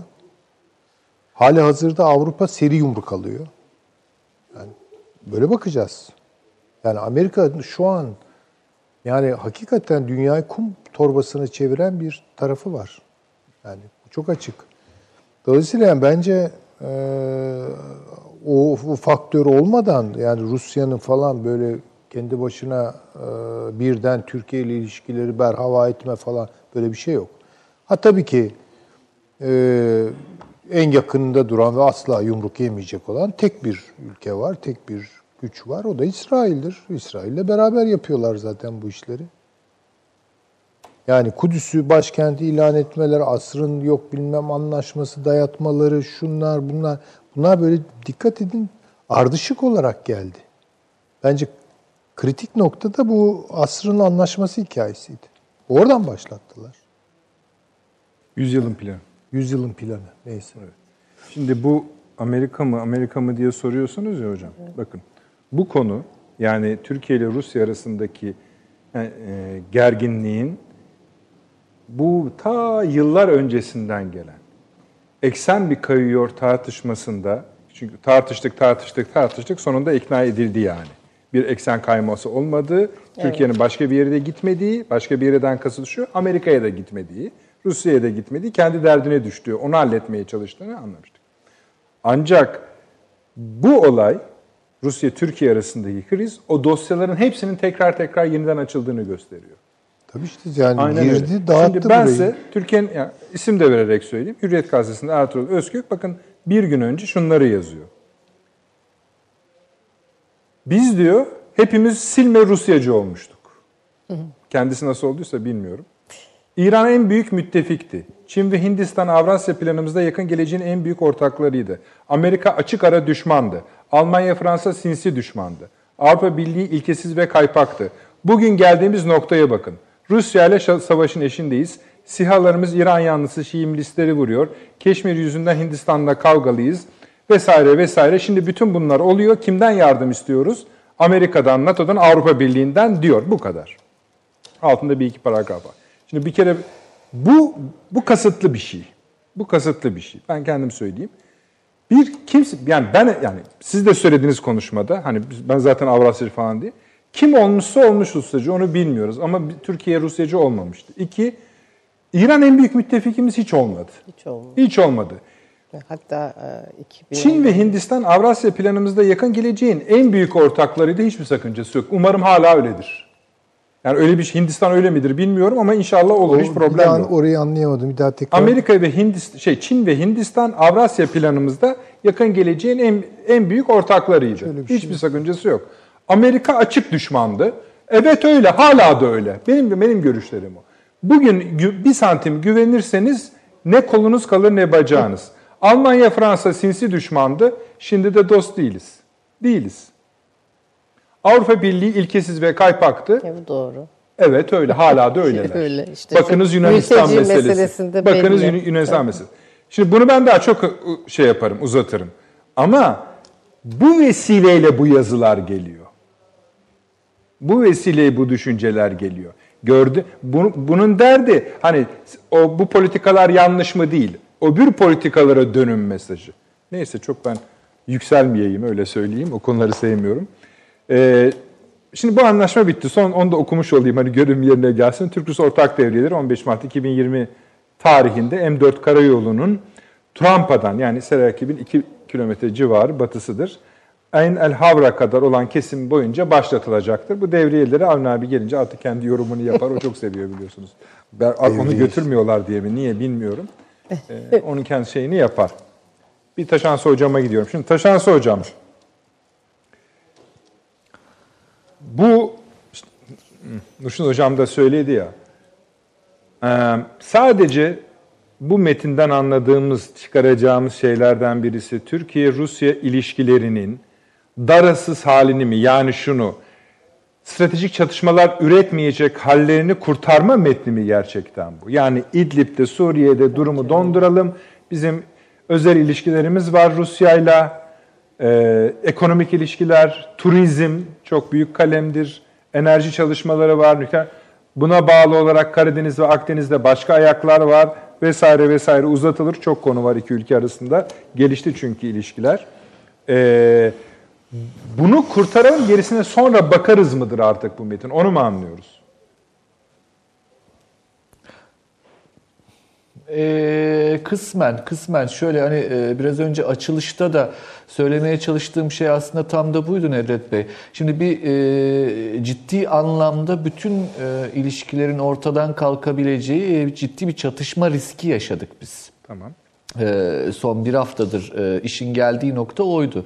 Şimdi o çatışma riskinin dondurulmasından bahsediyoruz ve e, daha geniş bir çerçeve içerisinde hani başta diplomasi kavramında söyledim ya yani dostluklar, düşmanlıklar çerçevesinde değil de yapılabilecekler, ülkenin kazanımları çerçevesinde, olası kazanımları çerçevesinde projeksiyonlar yapmak makuldür. Öyle bakmak gerekir. Türk-Rus ilişkileri çerçevesinde de böyle çok fazla sorunlu alanımız var. E, Türkiye ve Rusya arasında. Ancak bu sorunlu alanların olması e, pek çok konuda, pek çok alanda da işbirliği yapamayacağımız anlamına gelmiyor. Ve özellikle e, bunu aslında Türkiye'nin tüm partnerleri için, Türkiye'nin tüm muhatapları için de bu kavramı teşmil edebiliriz. Yani bu Amerika için de geçerlidir, Avrupa Birliği için de geçerlidir ne bileyim işte tüm komşularımız açısından da geçerlidir. Yani sorunlu alanlar illaki vardır. E, ancak bu sorunlu alanları e, izole edip oradaki sorun alanlarını azaltmak ve imkanları arttırmak. E, orada imkanları arttırırken de ayağınızı bastığınız yerin Ankara olması gerekiyor. Yani Türkiye'nin zannediyorum yaşadığı en ciddi bu e, zihinsel tartışmalardaki sorun da bu galiba. E, yani e, Türkiye'nin dış politikasına bakarken başka bir başkentten bakmanın anlamı yoktur. Ankara'dan bakmak gerekir. Türkiye'nin faydaları çerçevesinde bakmak gerekir. Yani zararları minimize etmek, faydaları maksimize etmek. E, ve bunu yaparken de e, ben sık sık kullanmayı seviyorum. Bazen de eleştirerek söylüyorum aslında. Bizde e, Türkiye'de var olan bir kapasitedir. Tecahülü arif denir. Hani e, bilip de bilmezden gelmedir bazı şeyleri. Yani o gün acil can yakıcı bir şey yoksa da bazen görmezden de gelinir bazı tehdit unsurları. Ama tedbirleri alınır o tehdit unsurlarının. E, bu çerçevede baktığımızda Türkiye'nin e, son hani daha dün işte ne bileyim 93 Harbi 150 yıl önce yani oradan evet, bugüne evet. kadar baktığınızda e, yani e, Türkiye-Rusya ilişkilerinde tabii ki çok fazla sorunlu alan var. Yani işte 3 Mart e, Ayastefanos Anlaşması'nın yapıldığı gün e, iki gün önceydi değil mi? E, yani düşünün Ayastefanos dediğiniz şey Yeşilköy işte. Yani Rus orduları oraya kadar evet, gelmişti evet. ama bütün bunları bakın hatırlatmanın e, hatırlatmanın bir mantığının olması gerekir. Yani tarihe yaklaşırken ben çok severim. Walter Benjamin vardır. Aslında bir estetik e, çalışanıdır o. Yani estetik üzerine düşünür, e, sanat üzerine düşünen birisidir ama tarih hakkında da e, bazı değerlendirmeleri vardır. Tarihe sevgiyle bakmak ve gelecek için bakmak gerekir der. Yani yarına dair umut duyacaksınız ki tarihteki vakaları o şekilde olgulaştıracaksınız. Yani bu e, diplomasi açısından da her zaman böyle kullanılması gereken bir husustur tarih. Şimdi Türkiye'de biz ne yazık ki e, tarih konusunda e, yani kelime için kusura bakmayın ama e, genel bir cehalet içerisinde olduğumuzdan her yeni duyduğumuz kavramı alıp güncel siyasetin içerisinde, güncel sohbetlerin içerisinde dillendirip aslında çok da işe yaramayacak yeni şaşkınlıklarla e, aslında diplomatik manevralarımıza zarar verebiliyoruz. Hani bu çerçevede e, Türk-Rus ilişkilerine baktığımızda bizim konuşmamız gereken şey e, benim en son bildiğim rakam 130 bin civarıydı. Ortak evlilik var. Ortak çocuklar Ama var. Geçen gün e, başka bir vesileyle biliyorsunuz yani, gündeme geldi o konu Taşansı Hocam.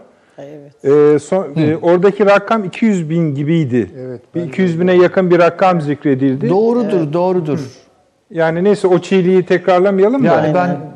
ben e, çok hani bunlar e, gerçekten utanç verici e, Nedret Bey. Yani e, şöyle söyleyeyim hani e, e, Türkiye'nin e, Türkiye'nin ferasetine e, ortalama Türk insanının e, onuruna yakışmayan e, şeyler bunlar.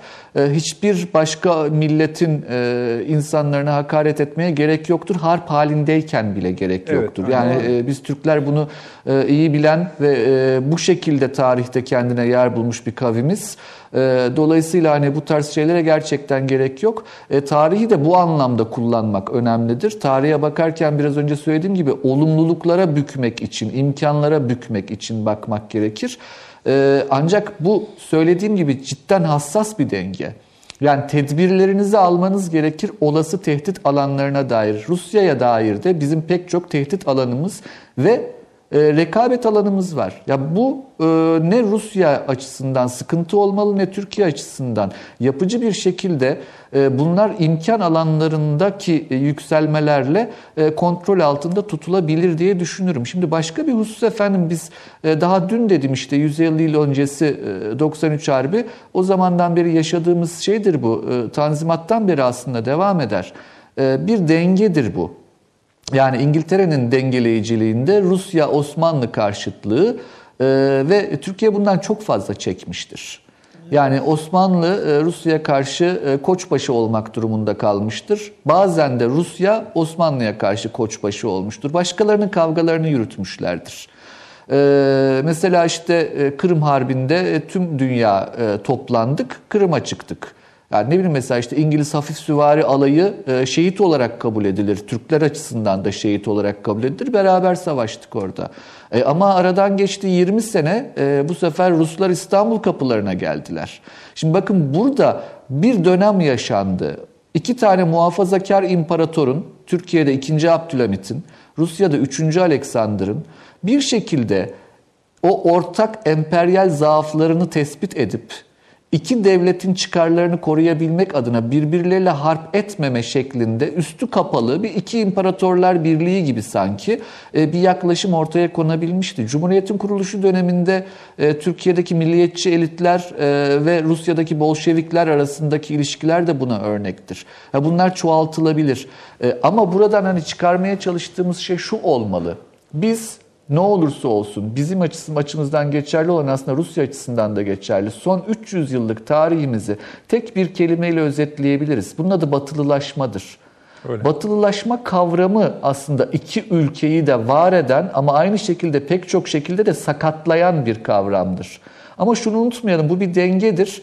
Ee, hem Türkler hem Ruslar batılılaşmanın muzafferleridir ama aynı zamanda mağdurları da olmuşlardır. Şimdi bu noktadan hareketle şuraya varmamız gerekir. Türkiye olabildiğince az kavga ederek hem batıyla hem komşularıyla kendi iç gelişimine yönelmeyi, enerjisine burayı harcamayı e, bir şekilde e, büyük bir başarı hanesine yazabilme kapasitesine sahip.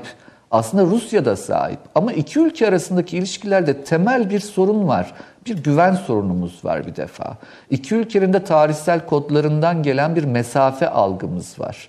Ve bunu aşmak çok da kolay değil. Sorunlu bir alan ama çaba gösterilmelidir. E diğer başka bir husus iki ülkenin de teşkilatlanma konusunda kapasite sıkıntıları olduğu açık.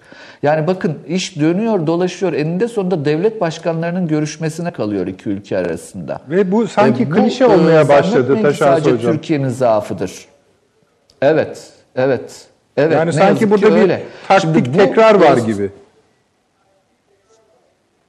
Ee, şöyle söyleyeyim efendim, iki ülke birbiriyle iletişim kanallarını kuracak mekanizmalar yaratmak zorundalar. Yani iş dönüp dolaşıp Sayın Erdoğan ve Sayın Putin'in toplanmasına, birbirleriyle görüşmesine gerek bırakmayacak bazı mekanizmalar yaratmak zorundalar ama e, orada da hem bizim kurumsal kültürümüz hem e, Rusya'nın kurumsal kültürü buna çok da cevaz vermiyor. Bir de e, kurumsal kültür dediğimiz şeyin içerisinde o kurumsal düşünüş şekillerini, tarihsel mirasları da hatırlamak gerekir. E, bu işler biraz böyle e, sarsak, biraz topallayarak e, iki adım ileri bir adım geri olacak doğru ama kazalara izin vermemek önemli. Ama bunu yaparken efendim biz e, Rusya ile iyi geçirelim derken e, bunun için tutup da e, batılı müttefiklerimizle kavga etmenin de hiçbir alemi yoktur. Çünkü o da Türkiye için elzemdir. Hem sermaye girişimi anlamında hem e, askeri güvenlik, stratejik güvenlik anlamında, ortak çıkarlar anlamında. E, ama onun ötesinde biraz önce söylediğim gibi Rusya ve Türkiye ikisi de zaten batıcı. İkisi de batılılaşmacı, ikisi de belirli reform dönemlerinden geçtiler son 300 yıldır. Ve bu ortaklıklar aslında birbirini iyi anlamalarını da sağlayabilir. Ee, birbirleriyle rakip oldukları zaman da sert olmalarını da gerektirebilir. Bu bu hassasiyetlere dikkat etmemiz gerek diye düşünüyorum. Şansı hocam. Ee, ve birbirimizi tanıma konusunda da ciddi sıkıntılarımız olduğu açık. Ee, bu da aşılamıyor bir türlü galiba. Evet. Bu krizde Amerika'nın rolünü ve bu krizden Amerika'nın temennisini de söyler misiniz? Ondan sonra Süleyman Hocam'a geçeceğim bu konuyla ilgili olarak. Ee, Efendim tabi burada çok şöyle e, bir kısacık bir e, metafor e, kullanmak Kısacık hocam. isterim müsaadenizle. Biraz uzatacağım ama şundan çünkü uzat. aslında Peki. konuyu ele alabilmek için bu şart oldu. Buyurun, Şimdi buyurun, efendim peki. şöyle söyleyelim. Düşünün bir belediye başkanlığı seçimleri olan bir ildeyiz. E, A partisinin e, devamlı belediye başkanlığını kazandığını düşünün. E, bir A partisi Amerika adı üstünde A. Bir R partisi var Rusya. Bunlar rakipler. Bir de C partisi var Çin. Çin de üçüncü parti. E bir de D partisi vardı. Bir de T partisi var diyelim Türkiye. E, Türkiye'de genelde A partisiyle ittifak yapıyor. Yani bu, bu şekilde A partisi iktidarda ve belirli ihaleler paylaşılıyor yani e, belirli bölgelerde. E, bir gün C partisi yükselişe geçiyor, ikinci parti halini alıyor. O zaman A partisi R partisiyle ittifak yapmaya karar verir. Ve seçimi kazandıktan sonra R partisinin başkanına belediye başkan yardımcılığı görevini verir. Ondan sonra siz T partisi olarak şu soruyla karşı karşıya kalırsınız. Ee, şimdi benim hep çalışmış olduğum A partisi burada ama onun yardımcısı da R partisi oldu. Şimdi ben hangisiyle iyi geçinmek durumundayım? Benim bildiğim statüko değişti. Şimdi A partisi size der ki sen yine benimle iş yapacaksın. Ama burada T partisi de şunu der ya kusura bakmayın benim de kendi ihalelerim var, kendi işim var, gücüm var. Ben bu de yeni dengeyi anlayıp bu yeni denge içerisinde kendime bir yer bulmalıyım. A partisiyle olan koşulsuz ilişkilerimi biraz koşullandırırım. R partisiyle olan düşmanlığımı biraz azaltırım.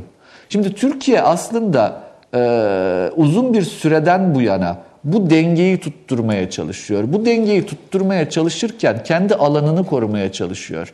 E, ama zor bir denge bu ve bu zor dengenin içerisinde başka bir husus hiç Türkiye'nin istemediği bir şey birdenbire sınırlarında büyük bir belirsizlik oluştu. Ve daha önce hiçbir şekilde bu kadar kuvvetli bir şekilde güneyine gelmemiş olan Rusya güneyine geldi. E, Amerika burada e, Türkiye'nin ulusal güvenliğine tehdit olabilecek pek çok girişimde bulundu. Rusya da bulundu. Şimdi her ikisiyle beraber, her ikisiyle aynı anda baş etmek durumundaydı. Benim anladığım Türkiye şu yolu seçti. İlk başta Amerika'yı Suriye'den uzaklaştırdı. Bunu becerdi. Öyle ya da böyle. Sonra dedi ki ben bu Rusya'yla da bu işi çözerim. Dolayısıyla işi sıraya bindirdi çünkü ikisiyle aynı anda mücadele etme şansı yoktu. Astana, Soçi vesaire o dönemde Rusya ile bir şekilde yakınlaşmaydı.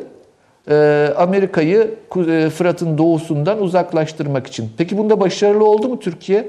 Oldu. Şimdi geldiğimizde Fırat'ın batısına geldik. Şimdi Rusya ile bu anlaşmalar üzerinden biraz itiş kakışla işte bu yaşadığımız kaygılarla vesaire e, yine kendi istediği bir şekilde sorunu çözmeye çalışıyor. Çünkü bu sorunu çözemezse eğer ciddi anlamda bir Afganistan-Pakistan ilişkisine benzeyen ve e, Pakistan'ı destabilize eden bir sürece benzer bir sürecin Türkiye'nin başına gelebileceği kaygısını en üst perdeden dillendiriyor Türkiye. Şimdi efendim buna bazıları paranoya diyebilir. Mümkündür. Ama paranoyak olduğunuz, takip edilmediğiniz anlamına gelmez diyorum ben de. Yani e, dolayısıyla bu tedbirleri alma çabasında Türkiye ve e, başka bir husus daha şimdi e, arada sosyal medyadan da baktım.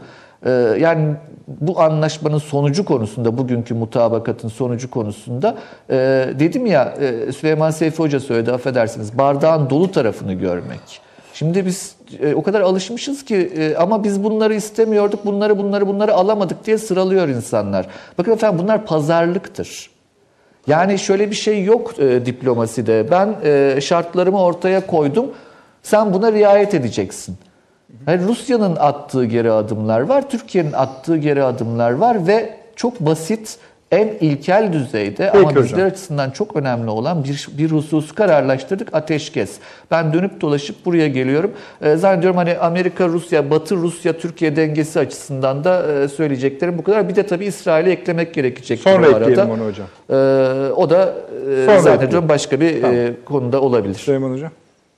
Evet. Tabii ki. Yani şu tespit son derece doğru. Tabii kullandığı metaforda Amerika ile Rusya'yı yapıştırdı Taşans Hoca birbirine. Ee, şöyle yani Fırat'ın doğusunda hakikaten e, Amerika'nın ağırlığı vardı. Bu bü- büyük ölçüde Irak'la ilgiliydi.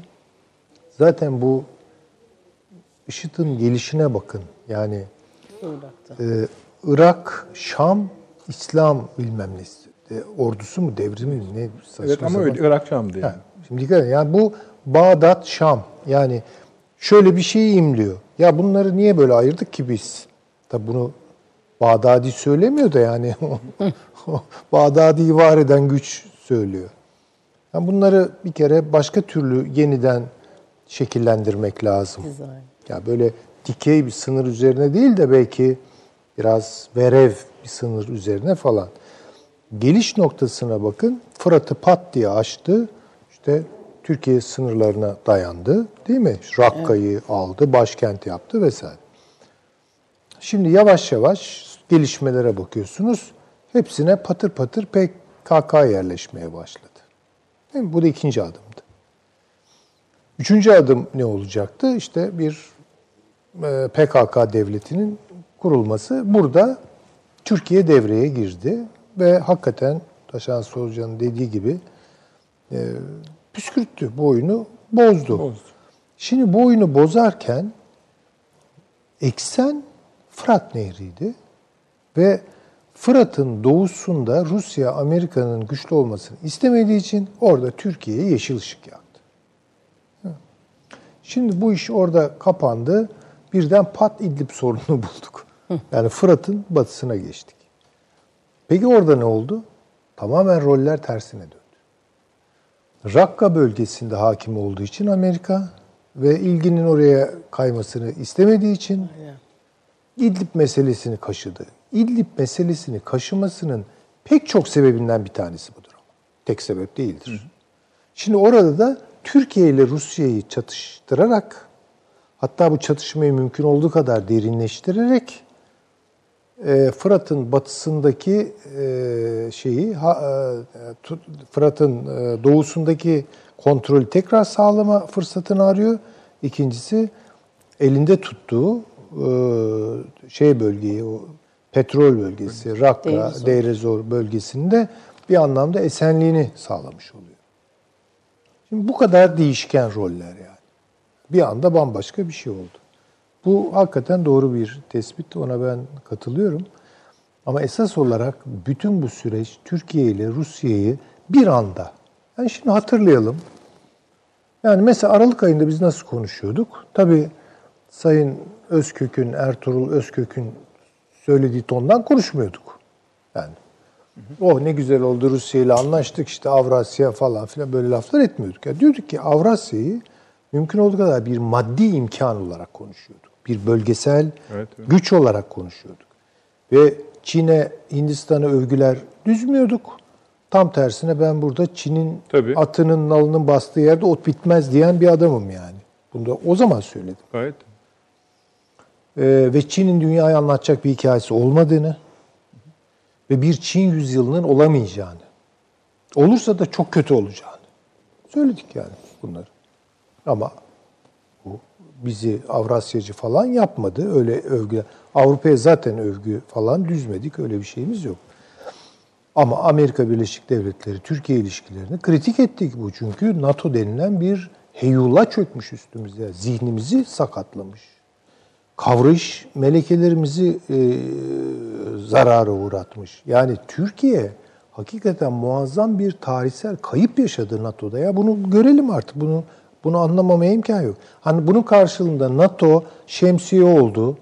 İşte Stalin'in o yayılmacı irredantist şeylerine karşı bizi bir korudu. Peki yani en rasyonel tercih 1950'lerde belki NATO'ydu ayrı bir şey. Ya bunları da böyle kanlı bıçaklı tartışmıyoruz ki. Yani bizler bize ne verdi ne aldı diye bakıyoruz.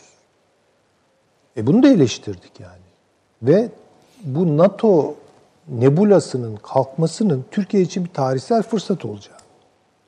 Bunun NATO düşmanlığı anlamına gelmediğini, Batı düşmanlığı anlamına gelmediğini ama Rusya ile İran'la tarihsel komşularımız Arap dünyasıyla yeniden e, bir şekilde hemhal olarak bir barış geliştirme kabiliyeti kazanabilir miyiz? Bunun imkanları üzerinde düşünüyorum. Öyle hocam. Yalnız şöyle bir tablo çıktı ek sayıp. Siz dediniz ya aldıklarımızı verdiklerimizi söylediniz. Söylemeyi gayret ettik. Biz verdiklerimizi söylerken bir liste çıktı ortaya. O listeyi savunur duruma düştükleri için kendilerini konumları konusunda biraz problem yaşıyorlar. Bu da bir vakadır. E tabii canım yani Öyle. yaşayan Çünkü ben, o. Türkiye'nin o dönemde değil, bütün dönemde verdiklerini kimse üstlenemez. Evet. Tabii ki. Üstlenemez yani. Tabii ki. Şimdi yani böyle Kaldıran, bir ta- yani ağırlığı kaldıramaz. Evet. Yani Rusya ile e, sorunlu bir şekilde de olsa komşuluk hukuku geliştirme. Sorunlar yok olacak manasına gelmiyor ama sorunlarımızı nasıl çözeceğimize dair pratik kazanma, tecrübe kazanma, bir hukuk geliştirme imkanını bulabilecek miyiz? Bu bir tarihsel fırsattır yani. Şimdi bu büyük ölçüde Eliyev'in yani içinde bulunduğumuz e, zaman e, içinde büyük ölçüde buharlaştı. Yani elimizde böyle bir fırsat yok. Şimdi bunun sebepleri üzerine düşünelim, konuşalım. Yani niye bu böyle? Çünkü Rusya'yı dinlerseniz Türkiye sattı. Birden NATO'ya çark etti. Yani söylenen bu. E, Türkiye'ye sorarsanız hayır Rusya Peki sattı. ne oldu da yani? Yani ne oldu onu Konuşalım diyorsunuz. Yani bu masada olmadı. Şimdi ben bunu şöyle görüyorum. Kişisel olarak ve samimi anlatayım. Kendi penceremden anlatayım. Birden Ukrayna gezisi haber düştü. Yani Ama sonuçlardan biri galiba. işte onu onu arz edeceğim. Yani Estağfurullah. Ukrayna'ya bir gezi. Yani ve Ukrayna'ya böyle çok dostane yardım, destek vesaire yani Rusların canını acıtacak bir selamlama biçimi. Yani hatıralarını hani şimdi diyoruz ya bir gemi geçiriyorlar bilmem ne yazıyor böyle irite oluyoruz. E orada da Ruslar irite oldu yani şimdi. Ama bu bence bilinçli yapıldı. Birden Kanal İstanbul tartışması. Bakın bugünlerde bir tartışan var mı? Bir ara maşallah televizyonlar dolmuş kaldırıyordu yani bu konuyu tartışmak üzere. İşte şöyle? Birden ondan sonra işte bir İdlib şey Libya meselesinde bir Hafter mi değil mi meselesi oldu. Ya- Yani Gürcistan NATO'ya alınsın falan. Şimdi ya Allah Allah. Yani iyiydik yani Rusya ile böyle işte nasıl oluyor falan. Bence bunlar bir şeye cevap olarak yapıldı. O şey ne? Ha, o şey şu. Rusya o dönemde gene senkronik düşünelim yani. Tam o dönemlerde ikide bir yansıyan haberler. Netanyahu gene Rusya'ya gitti. İsrail'e geliyoruz böylece. Netanyahu yeniden Rusya'da. Ya bu kapıyı aşındırıyor falan. Çat kapı giriyor. Değil mi hocam? Evet, yani böyle hatta esprileri falan yapılıyor. Ee, burada bir bir taş yerinden oynadı. Yani Rusya'yı buna ikna ettiler. Ona da bakalım. Buna ikna ettiler yani. Bunu söyleyebilirim. İkincisi Rusya'nın Avrupa politikaları değişti bu ara. Yani çünkü Avrupa'yı mümkün olduğu kadar güçsüz bir Avrupa konumunda istiyoruz. Silahsı Almanya özelinden de söylüyorsunuz. Elbette. Yani çünkü kendine daha fazla bağımlılık kılmak için bunu istiyor. Bu ara Doğu Akdeniz'de başka e, alternatif enerji alanları oluşuyor vesaire. Şimdi bakın ben şunu söyleyeyim. Rusya'nın şu an Suriye'de iki tane üssünün olması, Boğaz'dan gemi geçirip Doğu Akdeniz'de bayrak göstermesi, Rusya'nın sıcak denizlere indiği manasına gelmez. Evet çok yaşayın. Gelmez. Öyle inilmez deniz, denizlere. Yani 6. filo ta nerelerden Atlantik'ten gelir. Yani ve buralarda öyle bir seyir seferi falan olur ki yani bu Rusya'nın gelişine benzemez. Yani Rusya böyle buz gibi bir takım iklimleri taşıyarak falan geliyor. Yani. Ee, soğuk denizi bilirler de sıcak denize akılları ermez onların yani. yani bunu söyleyelim. Yani tutunmaya çalışıyorlar. E çıkarmadığınız adamları kaç yüzyıl sonra nereden bilecekler? Evet. Tutunmaya çalışıyor Rusya ve her geçen gün bu zorlaşıyor Rusya açısından. Onun için Nurşin Hocam'ın dediklerine katılıyorum. Kaynakları, imkanları vesaire. Yani düşünebiliyor musunuz siz? Karadeniz'i geçiyorsunuz, Marmara'yı, Ege Denizi'ni falan dolaşıp, dolaşıp Kıbrıs önlerinden Suriye. Bu ne olmuş? Oralarda varlık göstermekmiş ha? Değil. Yapabilir bunu Rusya. Bir koşulla. Türkiye ile beraber olursa yapabilir. Orada Şimdi bu fırsatı da tepmiş var. oldu. Demek ki Rusya'nın hesabında şöyle çıkarız. Oldu mu tepmiş? Kapandı mı dosya? Ayrı kapa yani şöyle şu an yani tespit anlık kesit tespiti Öyle. yapacak Tamam. olursak ve bir hani yakın dönem süreci işte buzluk buzluğa kaldırdık ya. Evet. Ha, ilişkilerimizi. Bunun buzluğa kaldırılması demek Rusya'nın Doğu Akdeniz'de bir geleceği var mıdır sorusunun ihtimal hesabında negatif yönde bir artış göstermesidir. Yani zayıflıyor demek. Buna Libya'yı da katmamız gerekiyor. Orada da ilginç Tabii gelişmeler orada da tutturamaz. Tabii. Neyse. Peki hocam. Orada tu- şimdi bakıyorsunuz Türk akımı böyle bir durdu. Kuzey akımı bir durdu. E Rusya ne yapacak? Yani petrol fiyatları düşüyor, tepe taklak olmuş. Devam ediyor düşmeye. de. Daha da gi- te- düşecek. Ne yapacak Talep Rusya? azaldı çünkü. Ve o ara ona diyorlar ki Türkiye ile olan ilişkilerini kopar. Bakıyor ediyor falan yok yapacak bir şey yok yani peki diyor yani en azından hani belki İsrail Yahudi sermayesi biraz yardım eder falan yani o noktalardalar bunlar yani öyle çok e, şey bir durumda değil. Çin'le bir maceraya girişmek istiyordu o kutup bölgesinde eriyen buzullar üzerinden işte petrol bilmem nesi geçer. Çin kartı düştü. Evet. Yani Rus Onu Rusya, da virüs vurdu diyorsun. Evet yani Rusya şu an böyle hakikat ama işte Amerika dünyayı kum torbasına çevirdi meselesi var ya işte buydu zaten. Bunların sonucunda oldu.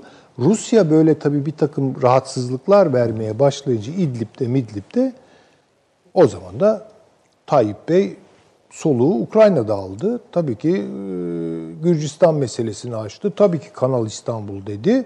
Yani kartlarını gösterdi. Buna rağmen süreç işliyor. Hala Ve bakın ben bir şey söyleyeyim mi? Bu son olarak Estağfurullah daha var zaman. yani şimdi şu söyleniyor liderler arasında bir dostluk hukuku falan Evet, böyle lider yakın. özel hukuktan bahsediyor. Bunu biraz sever yani bir yani benim gibi sıradan insanlar falan yani böyle dostluğa önem veririz ya insan halleri falan işte. Ya bunun dostluktan belki bir şey çıkar falan. Ee, ben bugün e, izleyebildiğim kadarıyla Putin'in suratında bir soğuk Vardı. ifade vardı. Ee, Tayyip Bey de bunu bastırarak idare etmeye, onda da yani e, şey böyle eskisi gibi tabi. Ama Putin'in bir hicranı da olduğunu hissettim ben yani. Yani, yani Çünkü o sizin bahsettiğiniz kişisel dostluk vurgusunu söylerken tek başına onu söylemedi. evet. Ülkelerimiz arasındaki, bölgelerimiz arasında tabii ve ki dünyadaki sorunların çözümünde kişisel hukukumuz iyidir dedi. iyidir dedi. Dedi. Aslında yani hani- iyi olmasını ah yani. Yani evet, evet. Yani onlar için demiş. Çünkü ha burada Rusya bence biraz daha direnebilmeliydi. Yani birileri yani bilemiyorum. Türkiye ile yeni bir zemin geliştirir O- falan. orada da başka şunları da söylüyorlar. İşte içeride bir takım değişiklikler oluyor. Orada hükümet- da yani, yani- bakın bir yani bizim e, arada sohbetlerimiz oluyor. Sizin de bilgilerinizden istifade ediyoruz. E, e, öyle gerçekten takip e, tarafınız bizimle kıyas kabul etmez. Ha, mesela e, Rusya'daki işte belli derin güçler hakkında spekülasyon yapanlar çoktur. Yani Taşan Soğucu onları eminim çok daha iyi biliyordur da. Yani mesela bir iki isim söylediniz. Değil mi geçenlerdeki sohbette filan. Yani Putin onlara rağmen bir şey yapabiliyor mu falan. Belki Putin sıkıştı yani.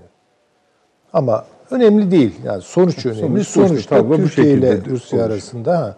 Yalnız Rusya'yı da lütfen gerektiğinden fazla küçümsemeyelim. Tabii ki çok yanlış bir sonuç verir. Gerektiğinden fazla da Rusya'yı böyle bir korku e, kaynağı olarak o eski şeyler geliyor tabii aklımıza. Yani ne demonizasyona gerek var, ne hiç aşırı gerek yok. kucaklamalara hiç gerek var. Yani Ee, İşte Obama için neler yapıyorduk. Sonra bize bakın işte tabii, bıraktığı tabii. miras bu. Bıraktığı miras bu işte şu. yani hata miras. hata da yapıyorlar yani. Yani evet, Evet, öyle. maalesef. Şimdi Nuşun Hocam fazla fazla konuşturacağım. Bir kere İran'ı ihmal ediyoruz onu konuşacağız. Efendime söyleyeyim bu akşam bahsettiğimiz konular içinde bu Esad'a darbe meselesi dönüyor 2-3 gündür. Geçen Ee, haftaydı. Evet. E, Bu dün değil evvelsi günde bir takım olaylar oldu deniyor. Bu tanklar çıkarılmış bir şeyler bir şeyler. E, Bir de kısaca da olsa e, değinelim. ABD üzerinden biraz daha gitmemiz gerekiyor. E, bu arada uçakta gittikçe ilerliyor. E, buraya doğru bol bol konuşacağız hocam. Ara bir reklam için Çay geldi. e, izninizi rica ediyoruz. Hemen geliyoruz efendim. 30 saniye reklam arası. Türkiye'nin tek haftalık haber dergisi Gerçek Hayat, gündemi yakından takip ettiği dosya ve röportajlarıyla her pazartesi okuyucusuyla satış bayilerinin raflarında buluşuyor. Gerçek Hayat artık sayfalardan dijitale taşıyor. Sayfalara sığmayan yazılar, röportajların perde arkası, interaktif içerikler. Gerçek Hayat artık size daha yakın. Tüm içeriklerden ilk haberdar olmak istiyorum diyenler, Gerçek Hayat GZT'nin sosyal medya hesaplarına davet ediliyor. Reklam arası sona erdi. Akıl Odası efendim devam ediyor. Nurşin hocamızla yola devam edeceğiz biraz. Ee, bu Amerika konusunda söyle merak etmekteyim sizin de görüşlerinizi. Ee, hem Taşansı hocamın hem e, Süleyman hocamın genel değerlendirmesine, bölgenin geleceğine ilişkin genel değerlendirmesine katılır mısınız? Özel olarak şunu da sormak isterim. Akdeniz'deki Rus varlığının geleceği konusunda veya Türkiye'nin buradaki rolü konusunda ne söylemek istersiniz?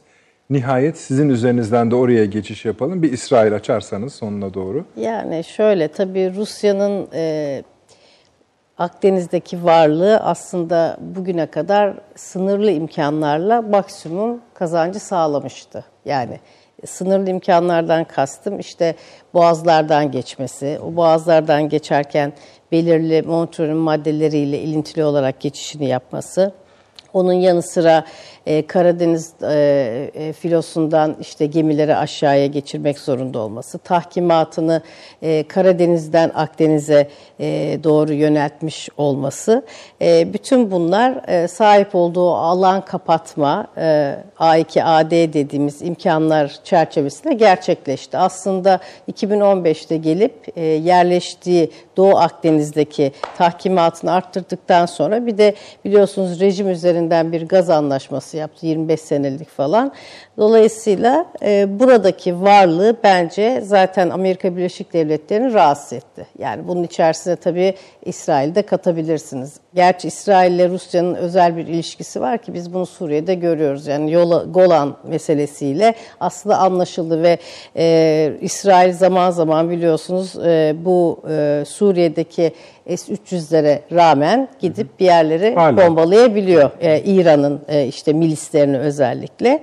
Bu bir gerçek ama esas olan şu anda e, belirli sıkışıklıkları var e, Rusya'nın. Ben bu bağlamda büyük bir fırsatı kaçırdığını düşünüyorum. Yani Türkiye ile yakaladığı biraz önce söylediğim o ivme çok farklı bir e, ilişki ve denge mekanizması sadece Orta Doğu'da değil Akdeniz'de de e, gerçekleşebilirdi ve bunun üzerinden e, çok önemli e, alanlar açılabilirdi. E, çünkü bu bağlamda e, katılıyorum hocama yani Türkiye'siz e, Rusya'nın e, Suriye'de, Doğu Akdeniz'de e, bunun ötesine geçebilecek bir kapasitesi yok. Yani hani sıcak denizlere indi Tamam Akdeniz'e ama or, orada kalmıştır. Yani bunun ötesine gitmesi için o tahkimatını vesaire yapması için Türkiye'nin icazet alması gerekiyor. Eğer işler çok kötü noktaya gelirse Türkiye'nin elinde zaten birçok e, Rusya'ya karşı kullanabileceği batı menşeili ya da batı menşeisiz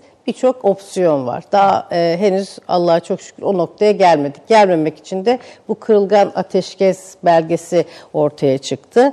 Ama tabii demin de söylediğim gibi e, bir defa e, petrol fiyatları düşüyor. Bu Rusya'yı e, zorlayacak bir şey. Çünkü gayri safi milli hasılasının büyük bir çoğunluğunu bu e, enerji %70. Evet, e, enerji ithalatından ediniyor. Hadi petrol fiyatlarını geçici olarak düştüğünü kabul edelim. Çin'den ve Asya'dan yönelen bu e, işte talebin düşmesi, koronavirüsü vesaire diyelim. Ama onun dışında gaz piyasalarına bakarsak e, Rusya'nın e, gaz sağladığı özellikle Avrupa kıtası ve bizim bölgemizde büyük bir rekabet var. Başta Amerika Birleşik Devletleri Avrupa'nın büyük bir kısmına şu anda kendi kaya gazını satıyor. İkincisi bu Türk akımı mevzusuyla yakaladığı stratejik kazanç Rusya için çok önemliydi.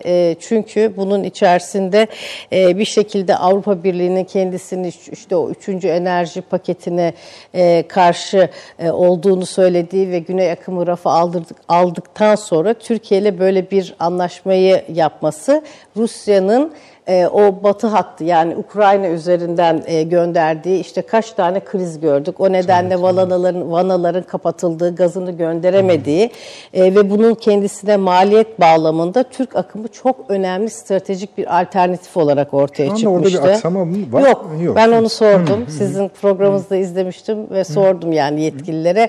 O yönde yok çünkü onun işlememesi Rusya'nın büyük bir kaybı olarak e, görülüyor ve işliyor. Yani orada bir sorun yok. Ama tabii bundan sonra hani bu hattın e, daha da genişletilmesi ve işte e, Balkanlardan e, bir başka alternatif daha oluşturulması gibi e, Rusya'nın lehine olabilecek bütün e, şeyler, e, opsiyonları e, bu Türk-Rus ilişkilerinin nasıl evrileceğiyle ilgili olarak bir şekilde riske atıyor yani bu bir gerçek.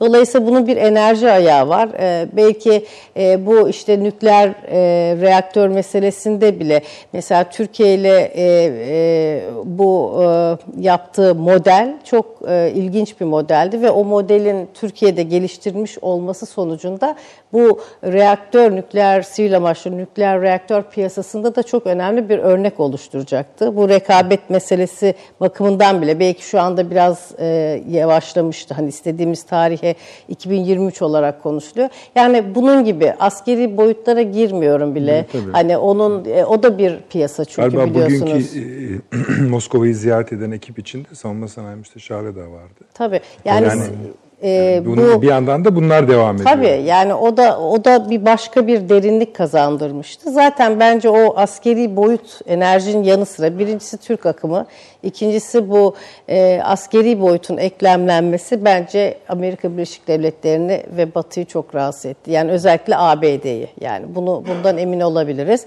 E, ve Rusya'nın işte 2015'te e, buraya gelmesi ve Türkiye ile ilişkilerini bu kadar çeşitlendirmesi e, Amerika'yı da bir zaman geri döndüğü yani şöyle Soğuk Savaş döneminde biliyorsunuz Akdeniz'de e, Akdeniz'in NATO denizi olduğu da söylenirdi ve bunun verdiği rehavet içerisinde bir dönem buradan çekilmişti e, Amerika Birleşik Devletleri. Ama Trump'ın baştaki ilk gelişiyle değil ama sonradan bu e, Doğu Akdeniz'deki bu jeopolitik mücadele nedeniyle Amerika'nın tekrardan İsrail öncelikli yeni kuşaklar oluşturmak suretiyle sadece Rusya'yı değil, Rusya'yı, İran'ı ve hatta Türkiye'yi de bir şekilde e, e, çevrelemesi e, ve e, bir anlamda her birinin ayrı farklı farklı politikalar izlemek suretiyle çevreleme kelimesini artık kullanabiliriz diye düşünüyorum. Özellikle şu andan itibaren Rusya zaten kendi çevrelenmesini Türk-Rus ilişkilerini bu noktaya getirmek suretiyle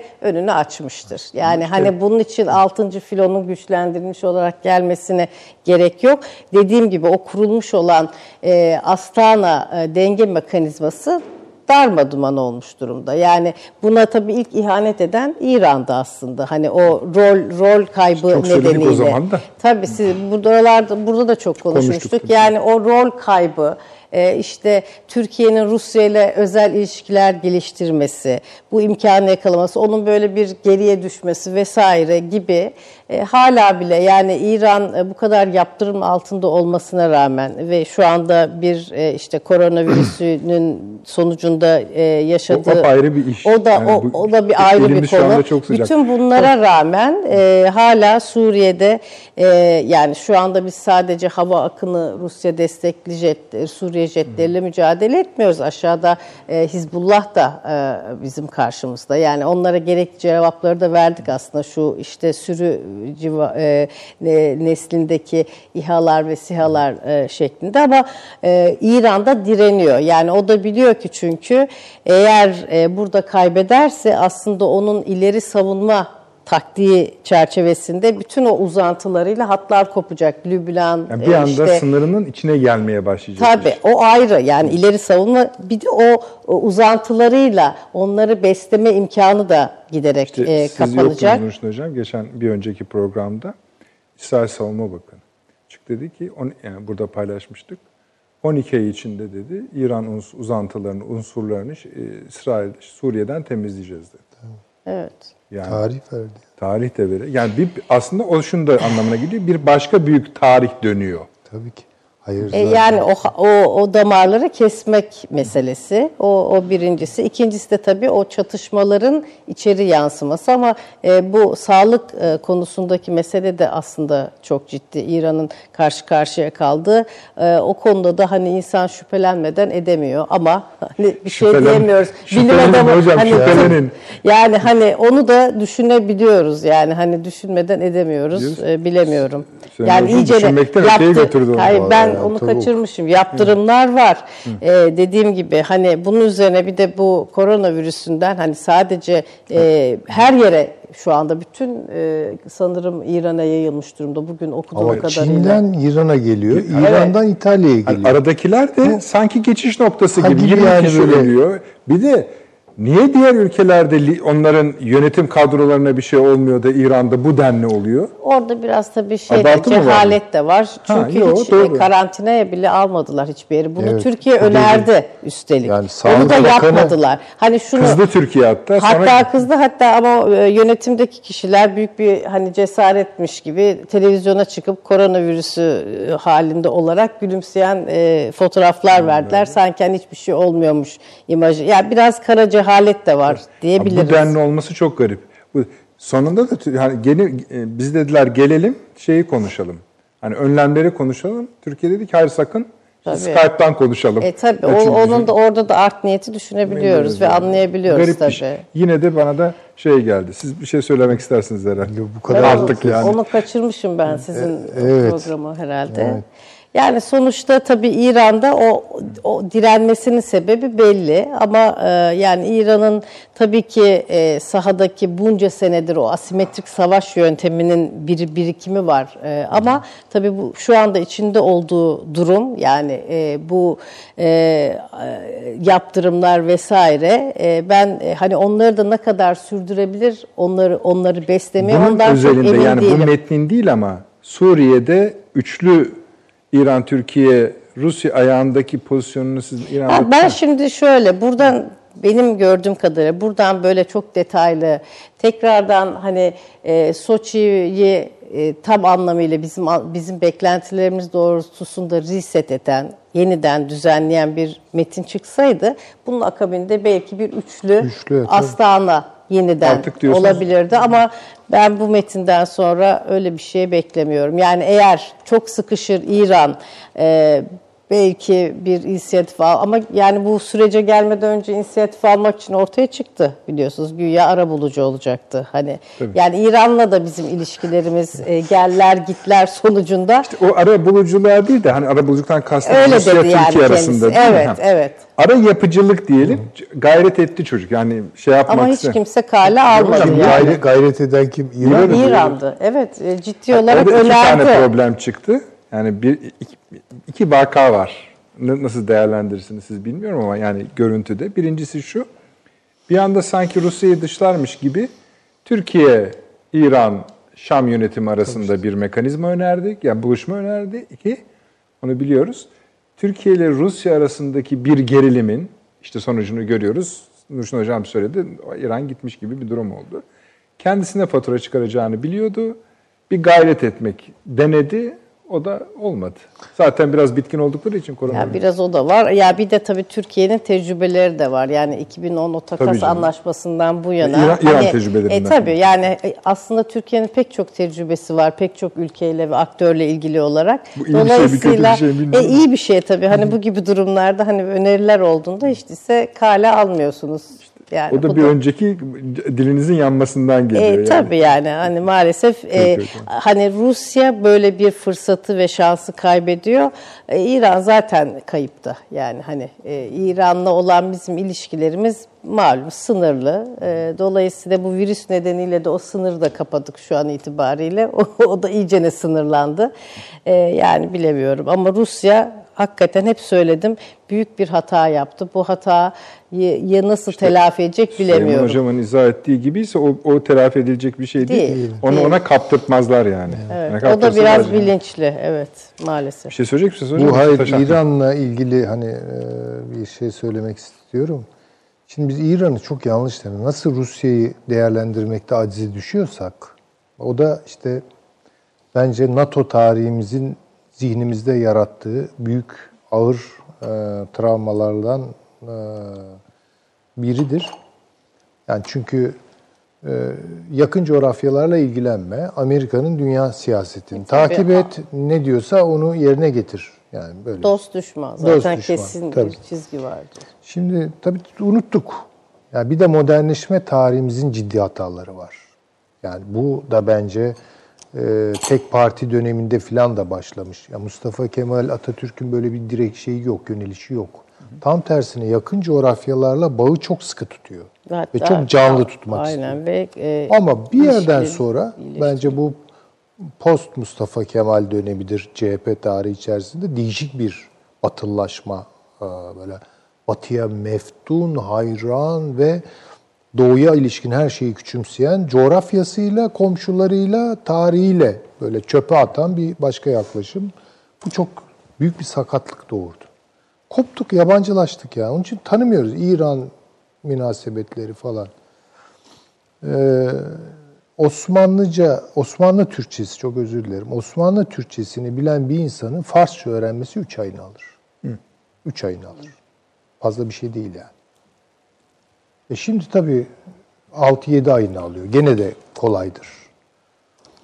Ee, en azından dile aşina olmak anlamında tamamıyla öğrenmeden kastetmiyorum. Ee, ve İran'ı bilmiyoruz. Şimdi çok tuhaf. İran'ı böyle bir doğu olarak falan yani işte Müslüman doğu falan. Halbuki öyle bir şey yok. İran için başından sonuna belki bunun kökleri işte Caferiliğin oluşumu, kurumsallaşması, oluşumu da değil de yani kurumsallaşması, belki e, Safevilik sonrası İran'daki yapılanmalar vesaire. Yani bu Şii ideolojisinin şekillenme tarihi çok eski bir tarihtir. Bunun perspektifi İslam kardeşliği değildir. Hiç alakası yoktur. Çünkü e, Şia'dan gelmeyen kim varsa din dışıdır. Hariçte tutar. Şimdi bakın biz öyle bakmayız. Yani biz çocuklarımıza Ali Osman ismini koyarız yani. İran'da koyamazsın Osman ismini. Koydun mu hayatın kayar. Ömer ismini koyamazsın. Hayatın kayar. E bizde Ali Ömer de olur, Ali Osman da olur. Yani biz yani hala böyle bir bir İslam kardeşliği ya işte dört mezhep ama işte bunların hepsi sonuçta Müslüman değil mi? İşte hepimiz de emperyalizmin, sömürgeciliğin kadrine uğramadık mı? Kardeşlik, hukuku geliştirmeye daha meyyalizdir. Fakat bu İran'da yok. Bunu bir kere veri alalım. Yani mesela İran'ın reel politik geliştirme kabiliyeti üzerine çok güzelleyici şeyler de dönem dönem söyleniyor. Çok zeki bu adamlar, çok iyi yetişmiş de hariciyecileri var Ha, bilmem ne. diplomasi. Ha, yani doğru olabilir. Tabii devlettir yani. Ama onları esir eden bir şey var. Teopolitik. Evet. Yani onlar da reel politik hiçbir zaman teopolitiğin önüne geçemez. Önce teopolitiği koyacaksınız, sonra reel politik yapacaksınız. Şimdi tabii bunu bir yere kadar da beceriyorlar. Onun için Soçi üçlüsü, Astana üçlüsü falan İran'ın gözünde eğreti bir iştir. Yani. Asılacağı bir şey değildir. Ben biraz argo bir tabir kullanayım. Baştan asılmaz. engellemeye çalıştı. Asılmaz. İstemez. Ya bunun kendisine ağır bir fatura doğuracağını, yani Türkiye olmadan, e, bilmem Rusya olmadan, yani Amerika'ya daha açık bir hedef, İsrail'e hiç umurunda değildir. Yani. Onun için yayar cepheyi en ileriden patlatma. Yani gözü de bir şey görmüyor İran'ın bu konuda. Onun için İran'dan İran'dan beklenmeyecek şeyleri murad etmenin önüne geçelim yani. Kendi zihin dünyamızda, akıl yürütmelerimizde sınırları var onun. Yani bakınız İran'ın yerinde Türkiye olsaydı, Ya. ha, bu hoş bir düşünüş değil ama biraz egzersiz, jimnastik yapalım. Ya bu işte nükleer mesele bizim başımıza gelseydi ve de İran bize orada destek olsaydı. Vallahi 50 sene unutmazdık biz bunu. Herhalde. 50 sene unutmazdık. Onunki bir, bir, bir yıl sürmedi. Çok Kayda çabuk- bile çok geçirmedi. çabuk vazgeçti. Kayda bile geçirmedi. İran böyle bir şeydir. Söylüyoruz hep ya şu Irak'ta İran'la Türkiye'nin rasyonel düşünüş onu gerektiriyor. Bir arada davranması lazım. Bakıyorsun. Üstelik şu dönemde. Ha, hele ki şu dönemde. Çok önemli, En evet. önemlisi. Ama katiyen kılları kıpırdamıyor. E başlarına gelecek var tabii Geldi ki. yani. zaten daha. Daha da gelecek yani. Daha da Hocam da gelecek. olduk.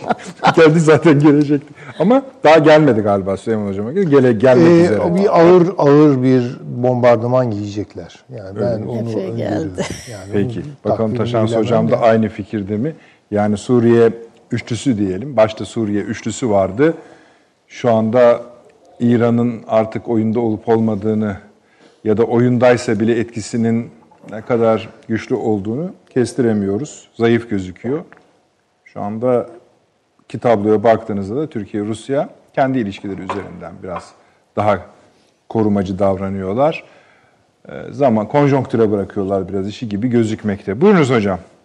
Nurşin hocam İsrail'e geçmedi, siz geçin. yani sakıncası yok. Teşekkürler, sağ olun efendim. Ee, şimdi Süleyman Seyfi Hoca'nın bahsettiği bir husus var, çok önemli. Bu Türk modernleşmesinin e, yarattığı bazı aciziyetlerle ilgili yani komşuları tanımamak konusu. E, gerçekten çok önemsiyorum ben bunu. Yani e, sadece dil bilmek değil, o kültüre de aşina olmak, e, bir şekilde oranın haleti ruhiyesini kavrayabilmek son derece önemli. Ee, orada da hani bazı kapılar kapandı doğru. Hani e, o yüzden rahmetle de anmak isterim. Hasan Ali Yücel'in mesela dünya klasiklerine baktığımızda e, ben Rusya'da doktora yaparken e, oradaki hocalarım bile şaşırmıştı. Yani sen nereden biliyorsun bu temel eserleri Rusya'ya dair diye.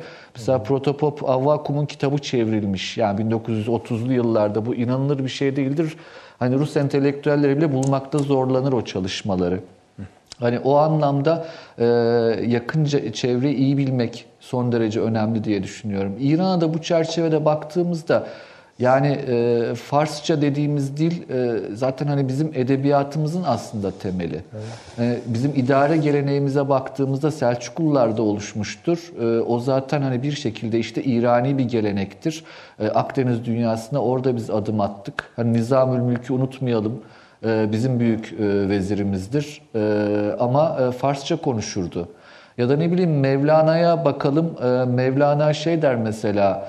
e, Germen Hindi guyem aslem Türkest der.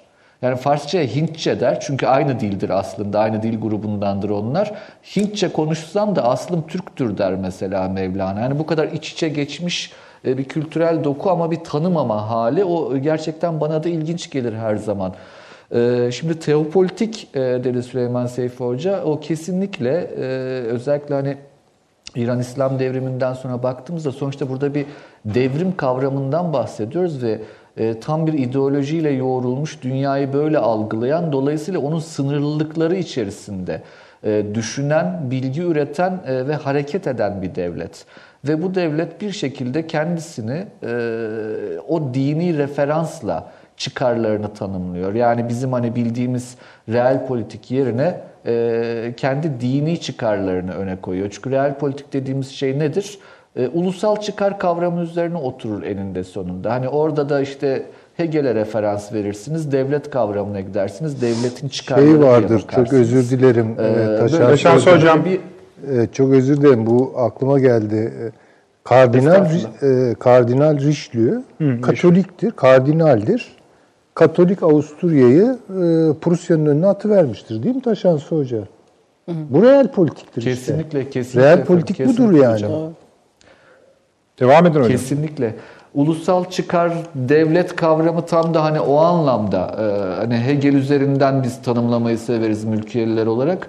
E, ve hani ne bileyim işte Hegel'e karşı Gramsci falan denir. E, Yani o bu coğrafyada işlemeyecek bir şeydir. E, çünkü asıl olan orada örgütlü yapı olan devlettir. Bu devlet çıkarı kavramına baktığımızda da biraz önce konuştuğumuz hani modernite kavramı hani Türkiye'de modernleşme dedik, Rusya'da modernleşme dedik. İran'da aynı şekilde aslında modernleşmenin üçüncü bir e, örneği olarak ele alınır e, literatürde. Orada mesela sadece meraklısı için notlar şeklinde şunu söyleyeyim hani e, Bauman mesela modernitenin krizini çok güzel anlatır. Ama Baudrillard sonra gelir, e, o da bir şey söyler, çok önemliydi 90'lı yıllarda. Yeni dünyanın artık kaos içerisinde bir düzen arayışı içinde olacağını iddia etmişti. Şimdi bunu şöyle lütfen diplomasi alanına çekelim. Ee, bizim bildiğimiz modernitede dostların ve düşmanların net olduğu, tarafların net olduğu bir diplomatik gelenek vardı. Bugünün dünyasına baktığımızda ise biz her ne kadar blokları, gruplaşmaları analiz etmeye çalışsak da gruplar içerisinde, bloklar içerisinde de ciddi rekabetlerin olduğu, rekabetin ve işbirliğinin el ele gittiği e, yeni bir dönemin içindeyiz aslında Soğuk Savaş sonrası dönemde. Dolayısıyla kurulan diplomatik ilişkilere bakarken de e, diplomasiyi okurken de, uluslararası ilişkileri okurken de e, bu çerçevede okumamız gerek diye düşünüyorum. Şimdi burada yine İran e, konusuna baktığımızda İsrail e, karşıtlığı üzerinden e, ileri uç, e, ileri savunma e, tekniği kendisine göre gidiyor. İsrail'de e, biraz önce sizin zikrettiğiniz çok önemli bir açıklamaydı bu. E, 2020 yılı içerisinde İran'ın e, ileri kolları koparılacak dedi bir şekliyle. Şimdi bunun aslında işaret fişeğini Amerika verdi Kasım Süleymaniye suikast düzenleyerek. E, ve bunu şöyle okuyalım lütfen. İran'ın e, ileri kolları, uç kolları dediğimiz şeyler Lübnan'a uzanıyor değil mi? Suriye'ye uzanıyor. Evet. Lübnan, Yemen. Suriye, Irak. Bakın bir hat İsrail'den geliyor. Öbür taraftan baktığınızda Yemen'e uzanıyor. Şimdi bu hattın kesilmesi demek Lübnan'da yeni bir siyasi yapı demektir ki çalışmaları başladı. Yani hepimizin gözünün önünde olan şeyler işte ilk başta gösterilerle başladı, hükümet değişti vesaire. Suriye zaten e, şu anki durumunu hepimiz biliyoruz. Konuşmanın alemi yok ama Irak'ta bir yeni yapı kurulacak Suriye'de. Bu kurulacak. Ama Irak ne olacak? Irak'a baktığımızda 2020 yılını zikretmesi, İran'ın da aslında bölüneceği anlamına, Suriye ile beraber bölüneceği anlamına gelir. Daha önce söyleme fırsatı bulmuştum sizin programlarınızda. Irakeyn diyoruz biz Türkçe'de. İki Irak demek Arapça kökeninden. Bir tanesi İran'dır, öbürü Irak'tır. Irak-ı Salis yani 3. Irak bugün Suriye'dir. Bu bütünleşik bir hattır. İran'ın eğer ki siz ileri karakollarını Irak ve Suriye olarak tanımladıysanız buradaki yeni yapılanmada belli ki e, bu kantonal bir yapı olabilir. Yani farklı kantonlar ama mezhebe dayalı olarak bölünmüş bir Irak ve Suriye ile karşılaşma konusunda Türkiye'nin hazırlıklı olması gerektiğini bizim söylememize gerek yok. Biraz önce programın ortalarına doğru sorduğunuz sorunun belki de cevabı bu. Ne oldu da Türk-Rus ilişkilerinde birdenbire Türkiye Rusya'ya karşı elindeki kozları açmaya başladı? Hatırlar mısınız bilmiyorum ama ben de şu soruyu sormuştum. Acaba Türkiye'nin kulağına bir şeyler mi geldi? Rusya'nın Irak ve Suriye'deki e, planlarına, projelerine dair diye. Bu çerçevede zannediyorum e, Türkiye'nin de zaafını şöyle ortaya koymamız gerekecektir. Rusya'ya baktığınızda Rusya'nın Orta Doğu'ya dair siyaset yapma paterni Arap milliyetçiliğini desteklemek üzerine kuruludur. Yani bu, bunun, bu bütün Soğuk Savaş boyunca devam etmiştir ve Arap milliyetçi partileriyle yani Bağıs'la da olsun, Nasır'la da olsun, Irak Bağıs'ıyla, Suriye Bağıs'ıyla yakın ilişkileri vardır. Aynı şekilde Lübnan'a da baktığımızda. Rusya bunu kaybetmek istemezdi. Ama anladığım kadarıyla son dönemde Rusya-İsrail arasındaki yakınlaşma bir şekilde Rusya'nın Orta Doğu planlarında İsrail'in e, önüne koyduğu planlardan e, mutmain olduğu ve e, dümeni biraz o tarafa doğru kırdığı şeklinde acaba yorumlanabilir mi diye ben sadece şu an spekülasyon yapmak istiyorum. O noktada da eğer biraz önce söylediğim e, Baudrillard'ın bahsettiği bu kaos içinde düzen aran, arandığı yeni bir dünyada acaba diplomatik olarak Türkiye'nin de daha fazla muhatapla görüşüyor olması, daha fazla plan ve proje üretiyor olması, Türkiye'nin daha fazla hayrına olmaz mı? Bunu Balkanlarda da, Kafkasya'da da, Orta Asya'da da, Orta Doğu'da da konuşabileceğimiz herkesle konuşarak ve konuşabildiklerimizin sayısını arttırmanın acaba daha faydalı olup olmayacağını e, ben kendi adıma e, soruyorum. E, cevabı bende olduğu için değil sadece soru olarak sizlere de arz etmek isterim efendim. Peki hocam. Süleyman Hocam bir şey demek ister misiniz? Yok, çok katılıyorum. Yani aşağı yukarı aşağı yukarı değil. Hallice bir bölümü e, şey gitti. Aynı bir konuşmaya benziyor. E, ama e, bu şeyi de söyleyeyim. E, o İsrail'in o açıklamasını 12 ay içindeki uzantıların temizleneceği açıklamasını ben Suriye üzerinde kendim öyle okumuştum. Demek ki daha kapsamlı bir şey söz konusu. Ee, o tabii bu bölgeye hayır getirir mi getirmez mi onu bilmiyorum. Zaten yani işte diyorum bu yüzyılın anlaşması diye başladılar. Yani onu biraz milat yani milat lafı tabii abartılı kaçabilir ama yani başlangıç noktası kerteriz noktası olarak görelim. Sonrası geldi zaten. Aşama aşama da geliyor. Yani burada coğrafyayı şöyle değiştirir. Çok doğru katılıyorum. Yani ben de şimdi bu nasıl şimdi Suriye nasıl oluştu? Suriye işte Suriye diye oluşturdular. Ee, Nusayri bir azınlığa Sünni bir çoğunluğu yönettirdiler. Irak Irak'ta da tersi oldu. Sünni bir azınlığa Şii çoğunluğu yönettirdiler ve hakikaten zulüm üzerine her ikisi de. Yani biri Şiilere zulmediyor, öteki de Sünnilere zulmediyor. Şimdi bunu değiştirecekler. Bu çok açık. Bunun da sebebi büyük ölçüde işte o petrol, Doğu Akdeniz hattında neyse yani hesapları ekonomik olarak uymuyor oraya. Onun için ben bu şeyi küçümsemiyorum. Hani IŞİD, Irak, Şam, İslam bilmem devrimi falan. Ya Allah Irak neresi, Şam şaşırdık değil mi? Yani biri bir şehir adı, öbürü bir ülke adı falan. Şimdi Taşan Hoca söyledi işte. Yani üç belde yani. Üç belde. Üç beldeyi indirdiniz yani. E, tabii ki ve şimdi bunu yeniden tanzim edecekler ve bence daha verev tanzim edecekler. Ne tarafa doğru? Yani şöyle Suriye'den Körfez'e doğru. arz etmeye çalışmıştım. Erbil'den başlatıp Musul, Kerkük, aşağı Deir-Zor, e, Rakka, Hayfa'ya bağlayacaklar. Ve bunun üzerine bir etnik zırh döşeyecekler. Bu etnik zırh da büyük ölçüde PKK devleti yani öngördükleri bu. Ondan sonra belki işte kantonlaşmalar falan başlayacak. Lübnan çok önemli dediği doğru. İşte bu Dürzi lider çıkıyor işte bir yeni orada Cumhuriyet özel bir bilmem ne kurabilir miyiz? Orayı Ve da burada evet yani burada Rusya'nın buna hayır diyecek bir şeyi zaten güç olarak yok. Bir de siyasal e, yapı kültürü Amerikan e, şeyiyle çok ilginç bir şekilde örtüşüyor. Yani federal düşünce meselesi var ya. Şimdi aslında bir ucu Wilson, bir ucu Lenin. Bunlar aynı kafada iki tane adamdı yani. Bunlar böyle daha parçalanmış bir dünyayı derleme, toparlama ya da önce bir büyük yapıları çözelim de sonra o küçük yapılar belirginleşince yeni formasyonlar kurulur diyen filan bir zihniyet, bir kafa.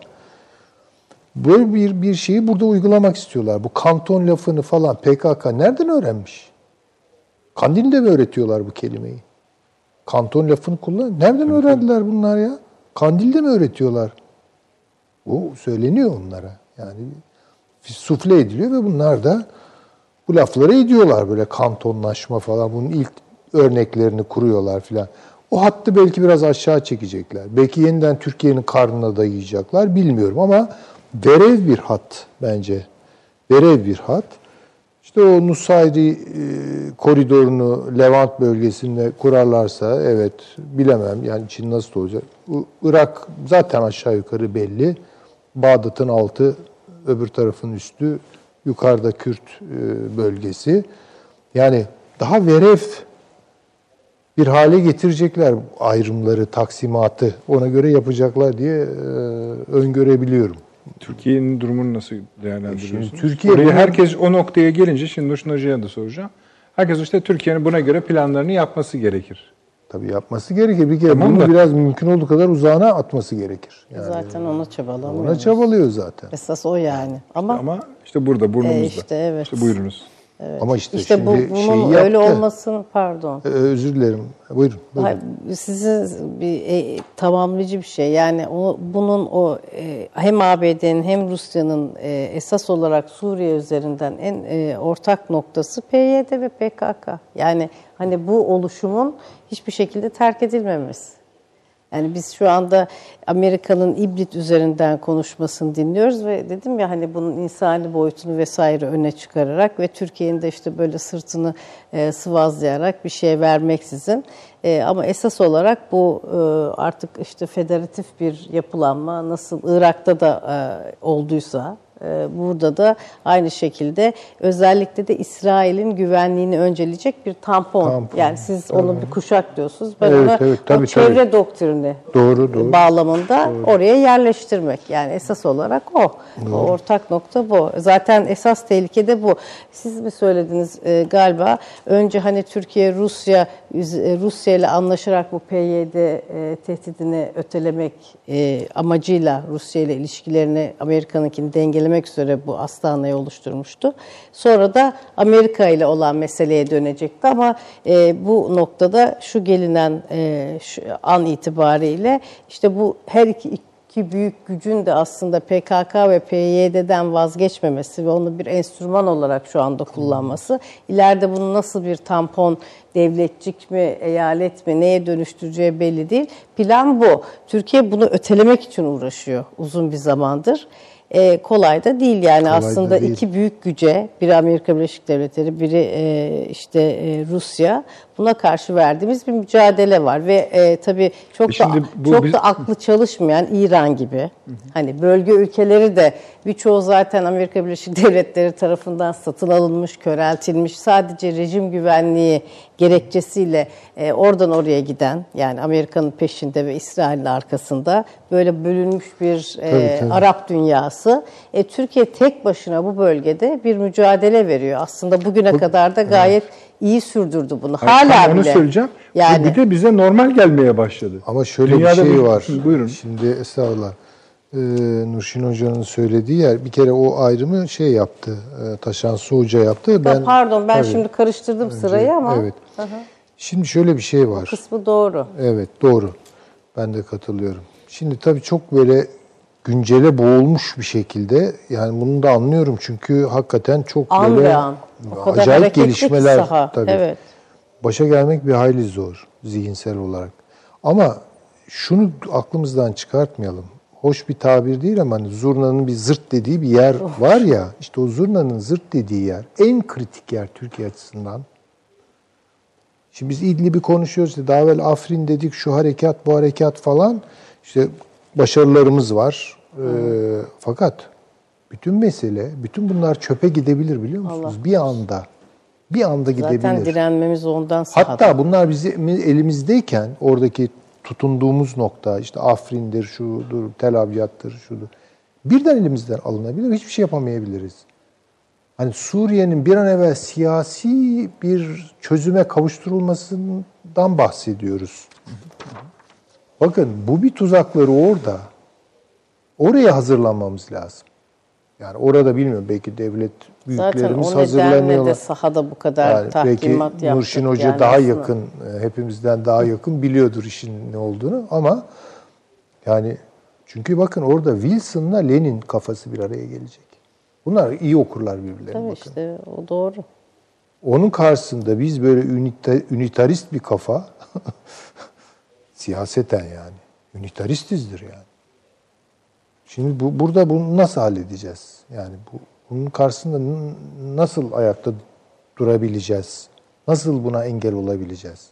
Çünkü siz bugün Afrin'de kontrol sağlamışsınız. Hadi diyelim ki İdlib'de de sağladınız. Hatta böyle güzel oralarda. Sonra hadi oturalım masaya çözüm. Evet buraları Kürt bölgesi yapıyoruz. Ne diyeceksiniz? Yaptırmam. Aa diyecekler sen siyasi çözümden yana değil misin? Savaş mı istiyorsun? Bakın çok orada bir şey söylememiz lazım. O masaya gelmeden Ha o masaya gelmeden Türkiye'nin hazırlayacağız. yani bence çünkü esas mesele can alıcı mesele. Halbuki şöyle düşünüyoruz biz ya savaş bitsin bir an evvel siyaset ve ferahlayıcı. Hayır böyle o esas orada çok büyük tehlike var. Ve bu temizlik işleri daha devam ettiği için o erteleniyor. İsrail'in gönlü hoş olsun diye işte bir takım böyle işler İran'la uğraşıyorlar falan. aldı aslında yani. Aldı da işte yani orayı bir şeye oturtmak sağlam bir O model aslında zırha Evet, kavuşturmak o model istiyor. aslında Amerika'nın modeli. Yani o Tabii. kuşağı tamamlamak. Her ne kadar e, bir takım defoları olduğu ortaya çıktıysa da gene de zorluyor. İşte o noktada Rusya ile ortak bir noktası da var. Benim en büyük korkum sizin dediğiniz gibi iki gücün bir şekilde geleceğine yönelik Suriye'nin bu PYD özelinde anlaşmaları. Hocam o konuda hiçbir problem yok bakın ikisi arasında. Nasıl hocam? Yani Suriye'nin tutalım ki Tabii her şey. aynı Ha. fikirdeyim. Onu O- söylüyorum. evet, en evet, büyük evet. tehlike o. Tabii, tabii. Ve şu anda e, Amerika bu konudan hiç bahsetmiyor. Farkında mısınız Tabii, bir haftadır? tabii. Bu konu unutuldu. Sanki hani Suriye'nin kuzeyinde hiçbir ilgileri yokmuş gibi ya da PYD'ye ulusal güvenlik belgelerinde 200 milyar dolar ayırmamışlar Ayırmamışlar. gibi. Tamamen e, o Birleşmiş Milletler Büyükelçisi nin bir böyle iyi niyet elçisi gibi e, ortalarda dolaşması vesaire hani bu hep o çok dikkat çekici aslında onu da göz ardı etmemek lazım. Çok bence kritik olan tabii, o. Doğru, doğru söylüyorsun. Çünkü orada hiç çatışacaklarını zannetmiyorum. Aynen, aynen. Peki, Taşans hocamıza gidelim biraz yine. Belki o, yani İsrail konusunda esasında söyleyeceklerini söyledi ama burada e, bir şey sorabilir miyim? Nasıl bir zaman dönemi kestiriyorsunuz? Valla çok yakın bir zaman değil.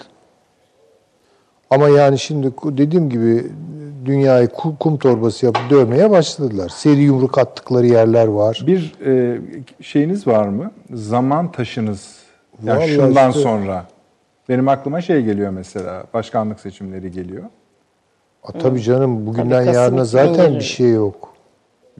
Çünkü bu bakın bir, büyük çaplı bir iş yani. Tabii, Şimdi tabii, kere o öyle bu de- bir ayakta İran'ı çökerteceksiniz. Öbür ayakta e, şeyi Irak'ı yeniden cehenneme çevireceksiniz. Ama o cehennemle bitmiyor.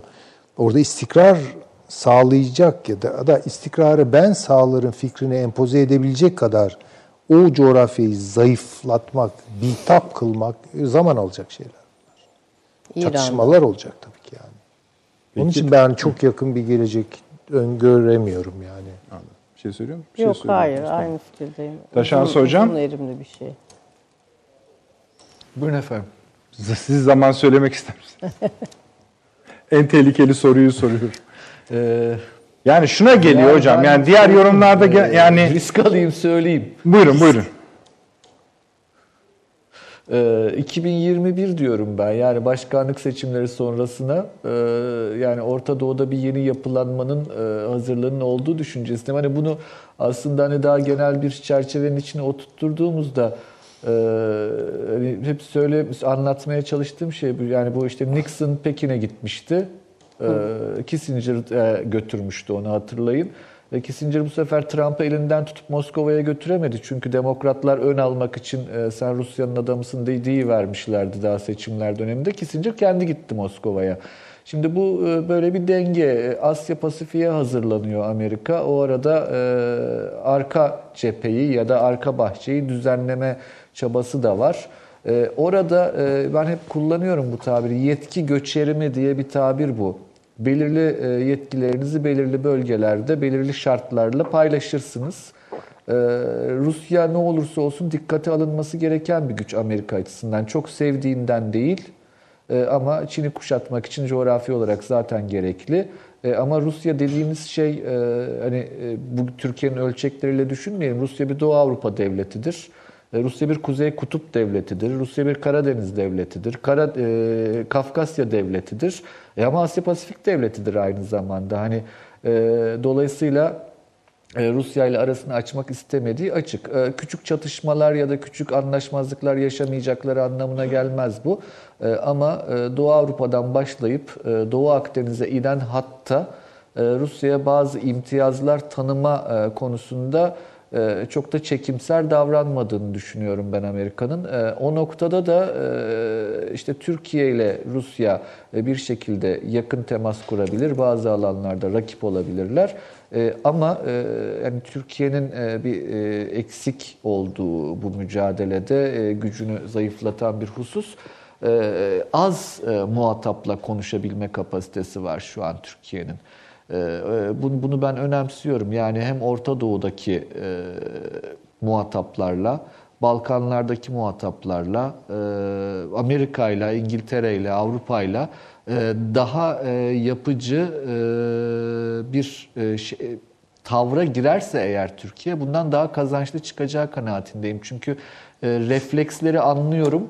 Çok çok iyi anlıyorum. Çünkü hani tehdit algıladığınızda bu insan doğasında da öyledir. Hani hafif suratlar asılır, e, biraz daha kendinizi geri çekersiniz ama e, çok da bir işe yaramaz aslında bu tavır.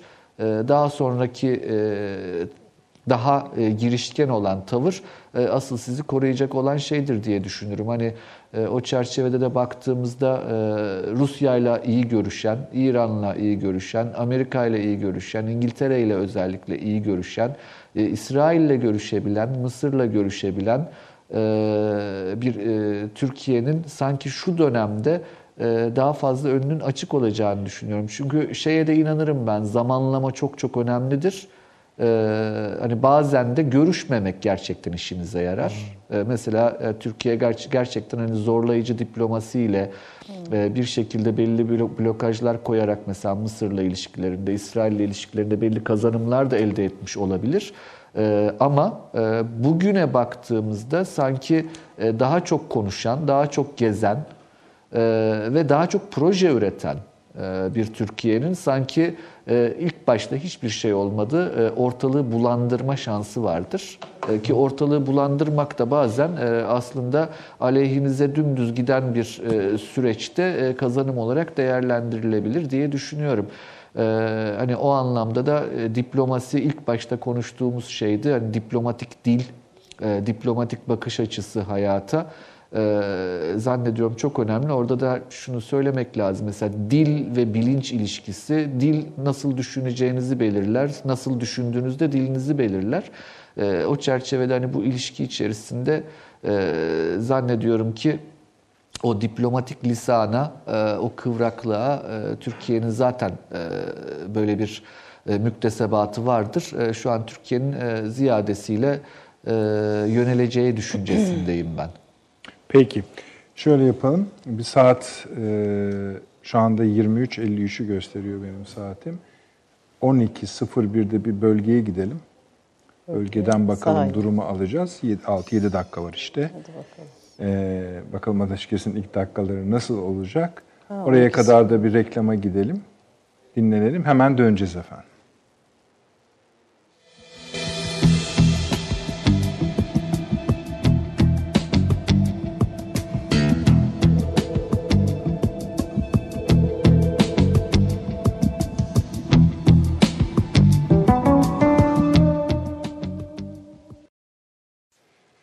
Döndük efendim akıl odası devam ediyor. Saatlerimiz benim saatim en azından 00.00'ı gösteriyor.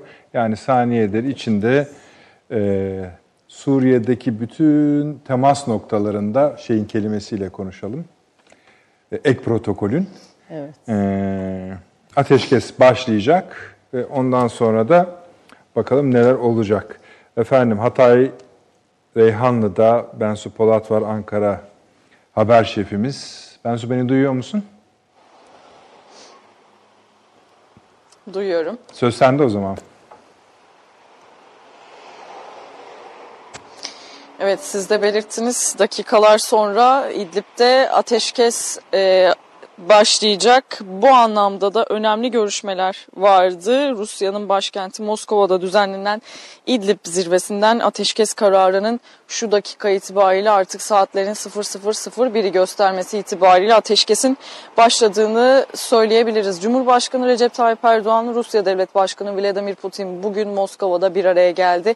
Önce iki lider baş başa görüştü. 2 saat 40 dakikalık bir görüşme gerçekleştirdi. İki lider ardından heyetler arası görüşmeler yapıldı.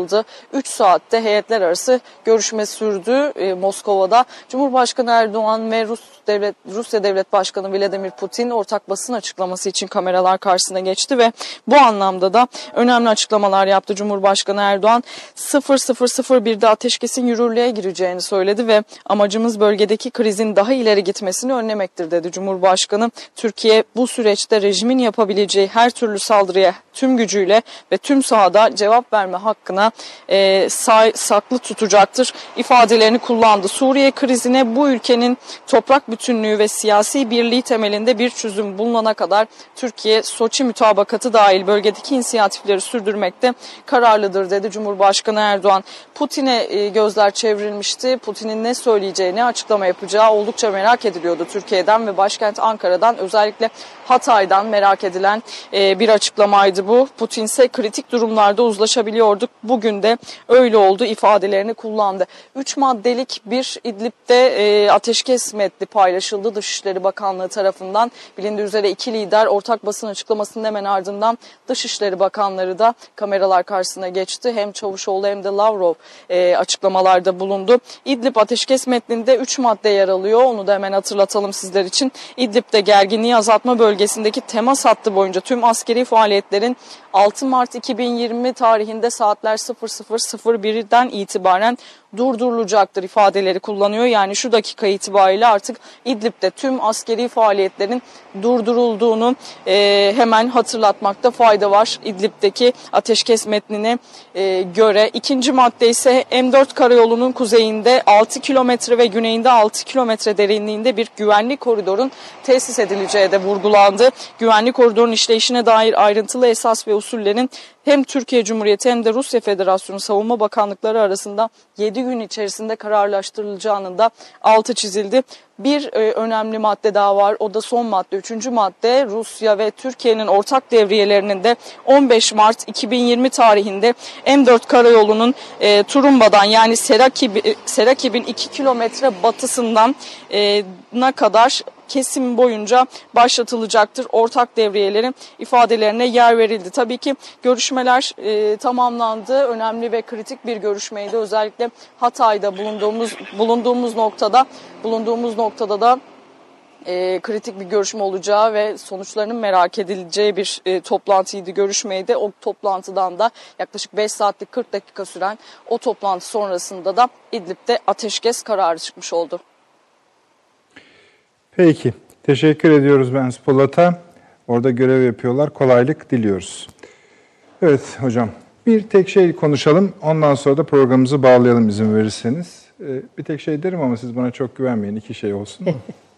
Bu hem Almanya meselesi, göçmenler meselesi, Yunanistan'ın tavrını bir hemen cem ederseniz iki iki iki konuşup programımıza teşekkür ederim size de. E, yani şu anda tabii... Bu e, aslında müte, bunun müte, yani Suriye İdlib'in parçası olarak e, geldi. Tabii yani Hı. İdlib meselesinde gelinen noktada yani bu yeni de değil bu haftaki ya da ondan önceki hafta değil rejimin e, İdlib'deki halka yönelik yaptığı o bombardıman ve onları e, Türkiye sınırına yönelik olarak püskürtmesi ve e, bunları bir e, zoraki göçe zorlaması e, aslında tabii bir şekilde Türkiye'nin de o şu ana kadar misafir ettiği mülteci sayısı bakımından bir noktada bir yere getirdi. Yani bunu Batılılar aslında bir siyasi tehdit olarak Türkiye'nin e, bu göç meselesini ve mültecileri kullandığını söylüyor ama hiç işte hiç öyle de değil. Mevzunun esası aslında Türkiye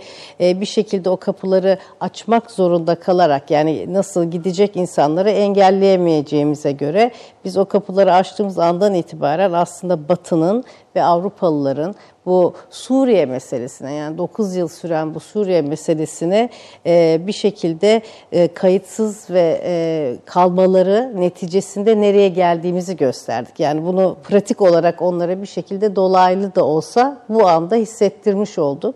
E, bu konuda da e, üzerlerine düşen işte o geri dönüş, e, e, geri kabul anlaşması 18 Mart tarihli olan o konuda eksikler yani bize işte verilen vaatler, e, bunun bir kısmı e, Yunanistan'a verilen vaat de yoktu ama parayı ayırıyor işte. Yani parayı sadece söylemiyorum. Yani mesela bu konu onların kapısına geldiği andan itibaren Avrupa Birliği'nin ne kadar ikircikli davrandığını gördük. Hemen Yunanistan'ı işte Avrupa'nın sınırları olarak e, korumak zorunda olduklarını ve onlara e, bir işte 350 e, milyar bir euro vaadinde bulunduklarını. Gerçi o vaadin biz ne anlama geldiğini bizim nezdimizde gördük, e, tutulmadı. Ama tabii daha önemlisi bu insani meseleyi aslında polisiye e, Fortex uygulamasıyla o polisiye e, e, çözümlerle bu sayıyı arttırmak suretiyle sınırda bu işte e, e, tabii Hocam, ülkelerin... Fortex'i de 3-4 yıldır söylüyorlardı pek iyi kuramamışlar herhalde. E, herhalde bize hmm. güvendikleri için olabilir tabii. mi?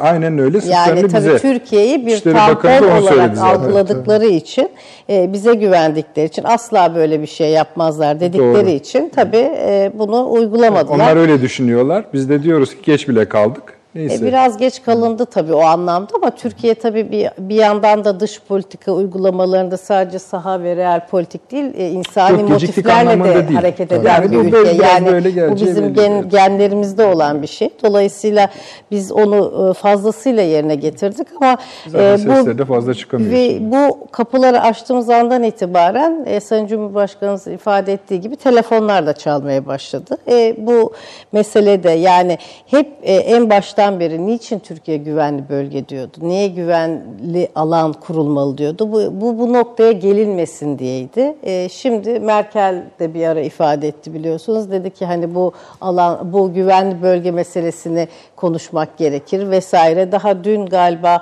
Avrupa Komisyonu'ndan yetkililer geldi. Hani nasıl bu olayı çözeriz vesaire diye. E, bunun bu yönde bir rapor da hazırlanıyor galiba. Sanırım bir yere gelinebilir Türkiye ile ama tabii Avrupa bu, bu konuda özellikle işte insan hakları, işte Avrupa Birliği'nin bu moral değerleri meselesinde bir kez daha sınıfta kaldığını gördük. Yani o sadece insanların o getolara sıkıştırılması, arada kalmasının ötesinde hayatlarını kaybettiler. Bir, bu Nurşin Hocam bir giriş yaptı öyle diyeyim. Ee, Suriye İdlib'in aslında Avrupa üzerinden Rusya'ya yansıtılması ayağı da oldu.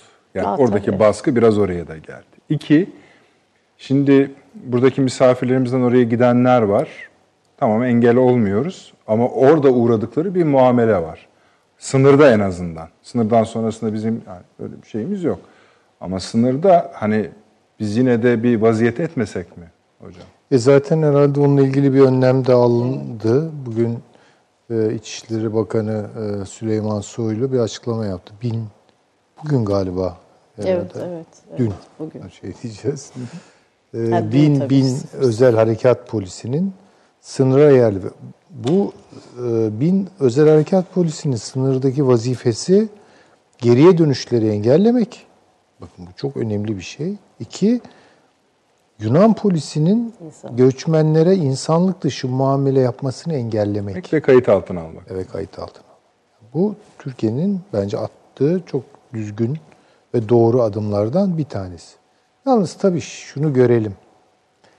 Yeni bir kavimler göçü dönemine gidiyoruz. Ya bu iş fokurda da fokurda da düdüklüyü patlatacak yani. Benim endişem şu. Şimdi bir lafı biz çok söyleriz, kendimize çok yakıştırırız. Ben de hiç sevmem yani. Kendim bildim bile de duyarım. Türkiye böyle bir köprü ülkedir falan. Ya köprü tamam fonksiyonel bir şeydir de yani bir koca medeniyeti tanımlayacak bir şey değildir yani. Köprü çünkü biraz yol geçen anıdır da yani aynı zamanda. Ama maalesef bu noktaya getiriyorlar. Çünkü ana güzergahlardan biri Türkiye. Bazı tahminler var. Göç çalışan insanlar var. Bakın bu göç meselesi yaşandı ya. Evet. Bizde çok var göç çalışan. Ama bunlar çıkmadı televizyonlara.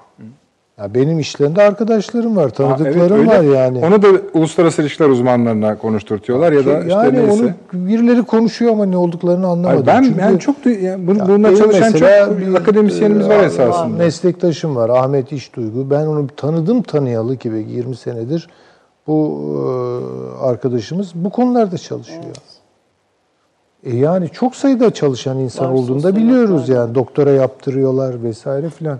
Ya bunların konuşması, bunlar konuşmuyor, başkaları konuşuyor. Bilemiyorum. Neyse. Yani Türkiye'nin buna hazırlanması lazım. İhtimallerden bir tanesi çok yakın bir gelecekte 30 milyonu aşkın insanın Afganistan, Türkmenistan falan işte o bölgelerden Pakistan falan İran'da herhalde istikrarsızlaşınca Evet, oradan da gelecekler 30 milyon insanın Anadolu üzerinden Başka şimdiden çalışılması gereken şey de bu. evet korkunç bir şey yani bu. Bu virüsle de birleşecek. Virüsle de birleşir her şeyle yani tam böyle bir Belli felaketli senaryo. kapatınca başka hattan gidiyor bir de. Tabii ki zaten Kuzey bu var başlarsa şu, bunu tabii. engelleyemezsiniz. Zavallı Yunanistan ya. Acıyorum ben onlara. Şu açıdan Onlar acıyorum. başa çıkamaz bundan. Ha böyle başa çıkacaklarını İmkanı yok.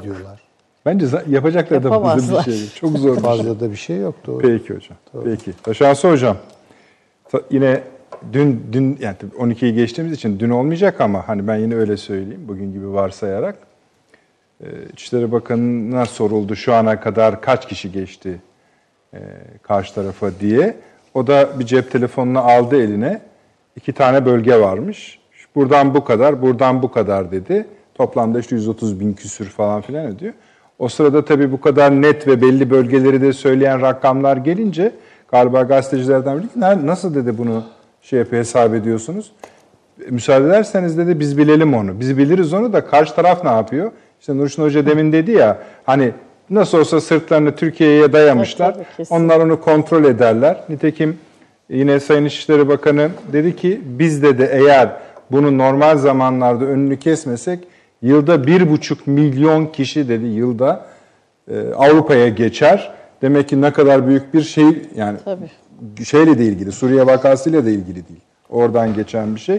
Belki de e, reklam arası Süleyman Hocam söylüyordu. O rakamları da aşacak gibi. Siz ne de söylemek istersiniz?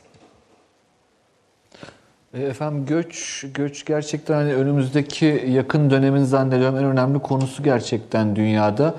Ee, yani Türkiye açısından da baktığımızda hani iş e, bir Suriyeli göçmenler diye bir konumuz var doğru ama bir de e, Suriyeli olmayan göçmenler yani işte Afganistan'dan, Evet, evet. Özbekistan'dan, Tacikistan'dan, Pakistan'dan e, ve bu hani e, şöyle söyleyeyim bu aslında göç veren bölgeye baktığımızda 97'de bu e, Brzezinski'nin yazdığı Büyük Satranç Tahtası'ndaki istikrarsızlık bölgesi Heartland olarak o e, tarif ettiği e, bölgeyi gösterir.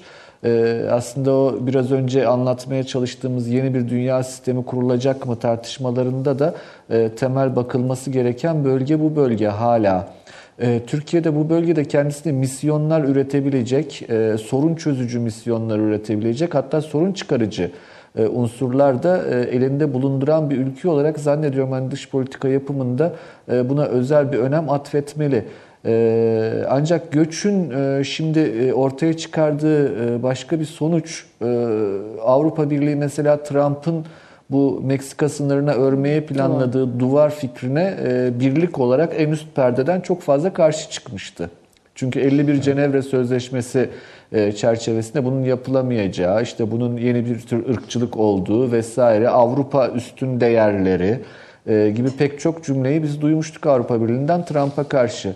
E, Şimdi kendileri yüz yüze kaldıkları anda Yunanistan'ın e, bu uygulamaları gerçekten hani e, bu hani nasıl söyleyeyim e, gerçekten hani Avrupa'da işte 1930'lu yıllardaki faşizmi e, gerçekten iyi hatırlatan görüntüler yani göçmenlerin vurulması, kabul edilmemesi ki uluslararası sözleşmeler var ortada.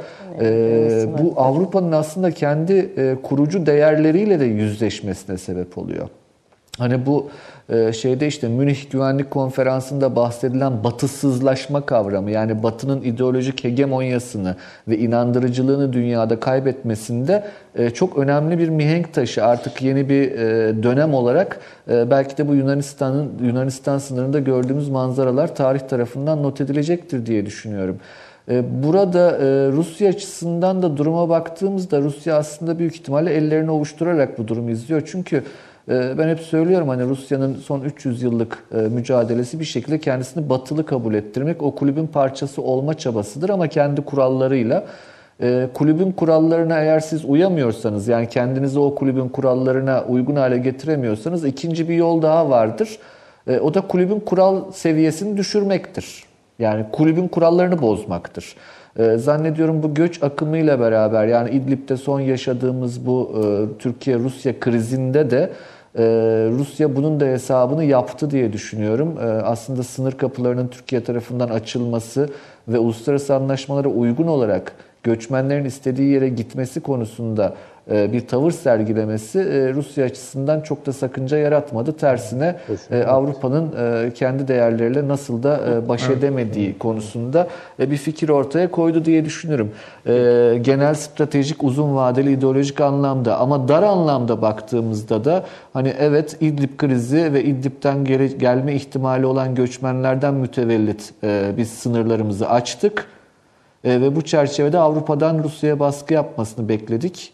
E, ama Avrupa'da Holland, Holland mesela işte Fransa'nın eski devlet başkanı dedi ki hem Türkiye'yi hem Rusya'yı cezalandırmalıyız bu konudan dolayı. Yani çok da e, Türkiye taraftarı e, bir tutum sergilenmedi orada. Hatta e, galiba bu işi büyütmeyin diye Avrupa ters taraftan bu sefer Rusya'ya destek bile vermiş olabilir. e, bu geçtiğimiz birkaç günlük süreç içerisinde. E, dolayısıyla hani e, beklenmedik tepkilerin e, dünya siyasetinde görülebildiği ilginç dönemlerden geçiyoruz gerçekten ama e, burada hani ben yeniden tekrar e, birkaç husus söylemek isterim. Birincisi bu ateşkesi mutlaka bağrımıza basmalıyız. Son derece önemli. Verdiğimiz şehitlere duyduğumuz saygı çerçevesinde bu son derece önemlidir. Ee, Birincisi budur. İkincisi e, daha genel bir çerçevede Türk dış politikasına baktığımızda e, daha diplomatik bir dilin ve e, daha çok taraflı görüşmelerin zannediyorum artık önünün açıldığı yeni bir döneme giriyoruz diye düşünüyorum. Yeni yapılanmalar çerçevesinde dünyanın bu fırtınalı olduğu ve etrafımızda fırtınanın yoğunlaştığı dönemde diye düşünürüm ben. Çok teşekkür ediyorum. Aslında Esad'ın son dönemde bize gönderdiği ılımlı mesajlar vardı dün ve evvelsi gün ve ondan evvelsi gün. Ona da bir kalem açılacaktı ama bugünkü şeyden sonra eh e, onu da e, artık haftaya değerlendiririz. Bu arada tabii seyircilerimize de söyleyelim. Uçak indi ama artık programımızın sonuna geldik. Hani e, ama söz veriyoruz Arne abiden onu e, bütün detaylarını Oturdukları koltuğun markasına kadar alacağız merak etmeyin. Size de yansıtacağız. Bir kısmı zaten evet, yarın diyelim. Yani sabahleyin diyelim. Gazetelerde görülebilir ama asıl iş tabii perde arkası konuşmalar, görüşmeler olacak akıl odasının üzerinde. Süleyman Hocam çok teşekkür ediyorum. Şöyle Eksik olmayınız. Sağ olun. Nuşun Hocam ara, ama herhalde şey yaptık sizi biraz cezalandırmış gibi olduk gece geç saatlere kadar. Kusura bakmayınız. Ee, Taşansı Hocam size de çok teşekkür ediyorum. Sağ olunuz, var olunuz. Metni özellikle Ben mutabakat metnini yorumlamakta bize ve izleyicilerimize yol gösterdiğinizi düşünüyorum. İnşallah öyledir. Efendim, salı akşamı saat Sağ olun. 21'de inşallah yine e, huzurlarınızda olacağız. Artık bir şey söylemiyorum. Hani bakalım nasıl bir Türkiye olacak falan demeyeyim. Ee, ne olacaksa inşallah orada olacağız. Beraber yaşayacağız efendim. İyi geceler, iyi sabahlar diliyoruz.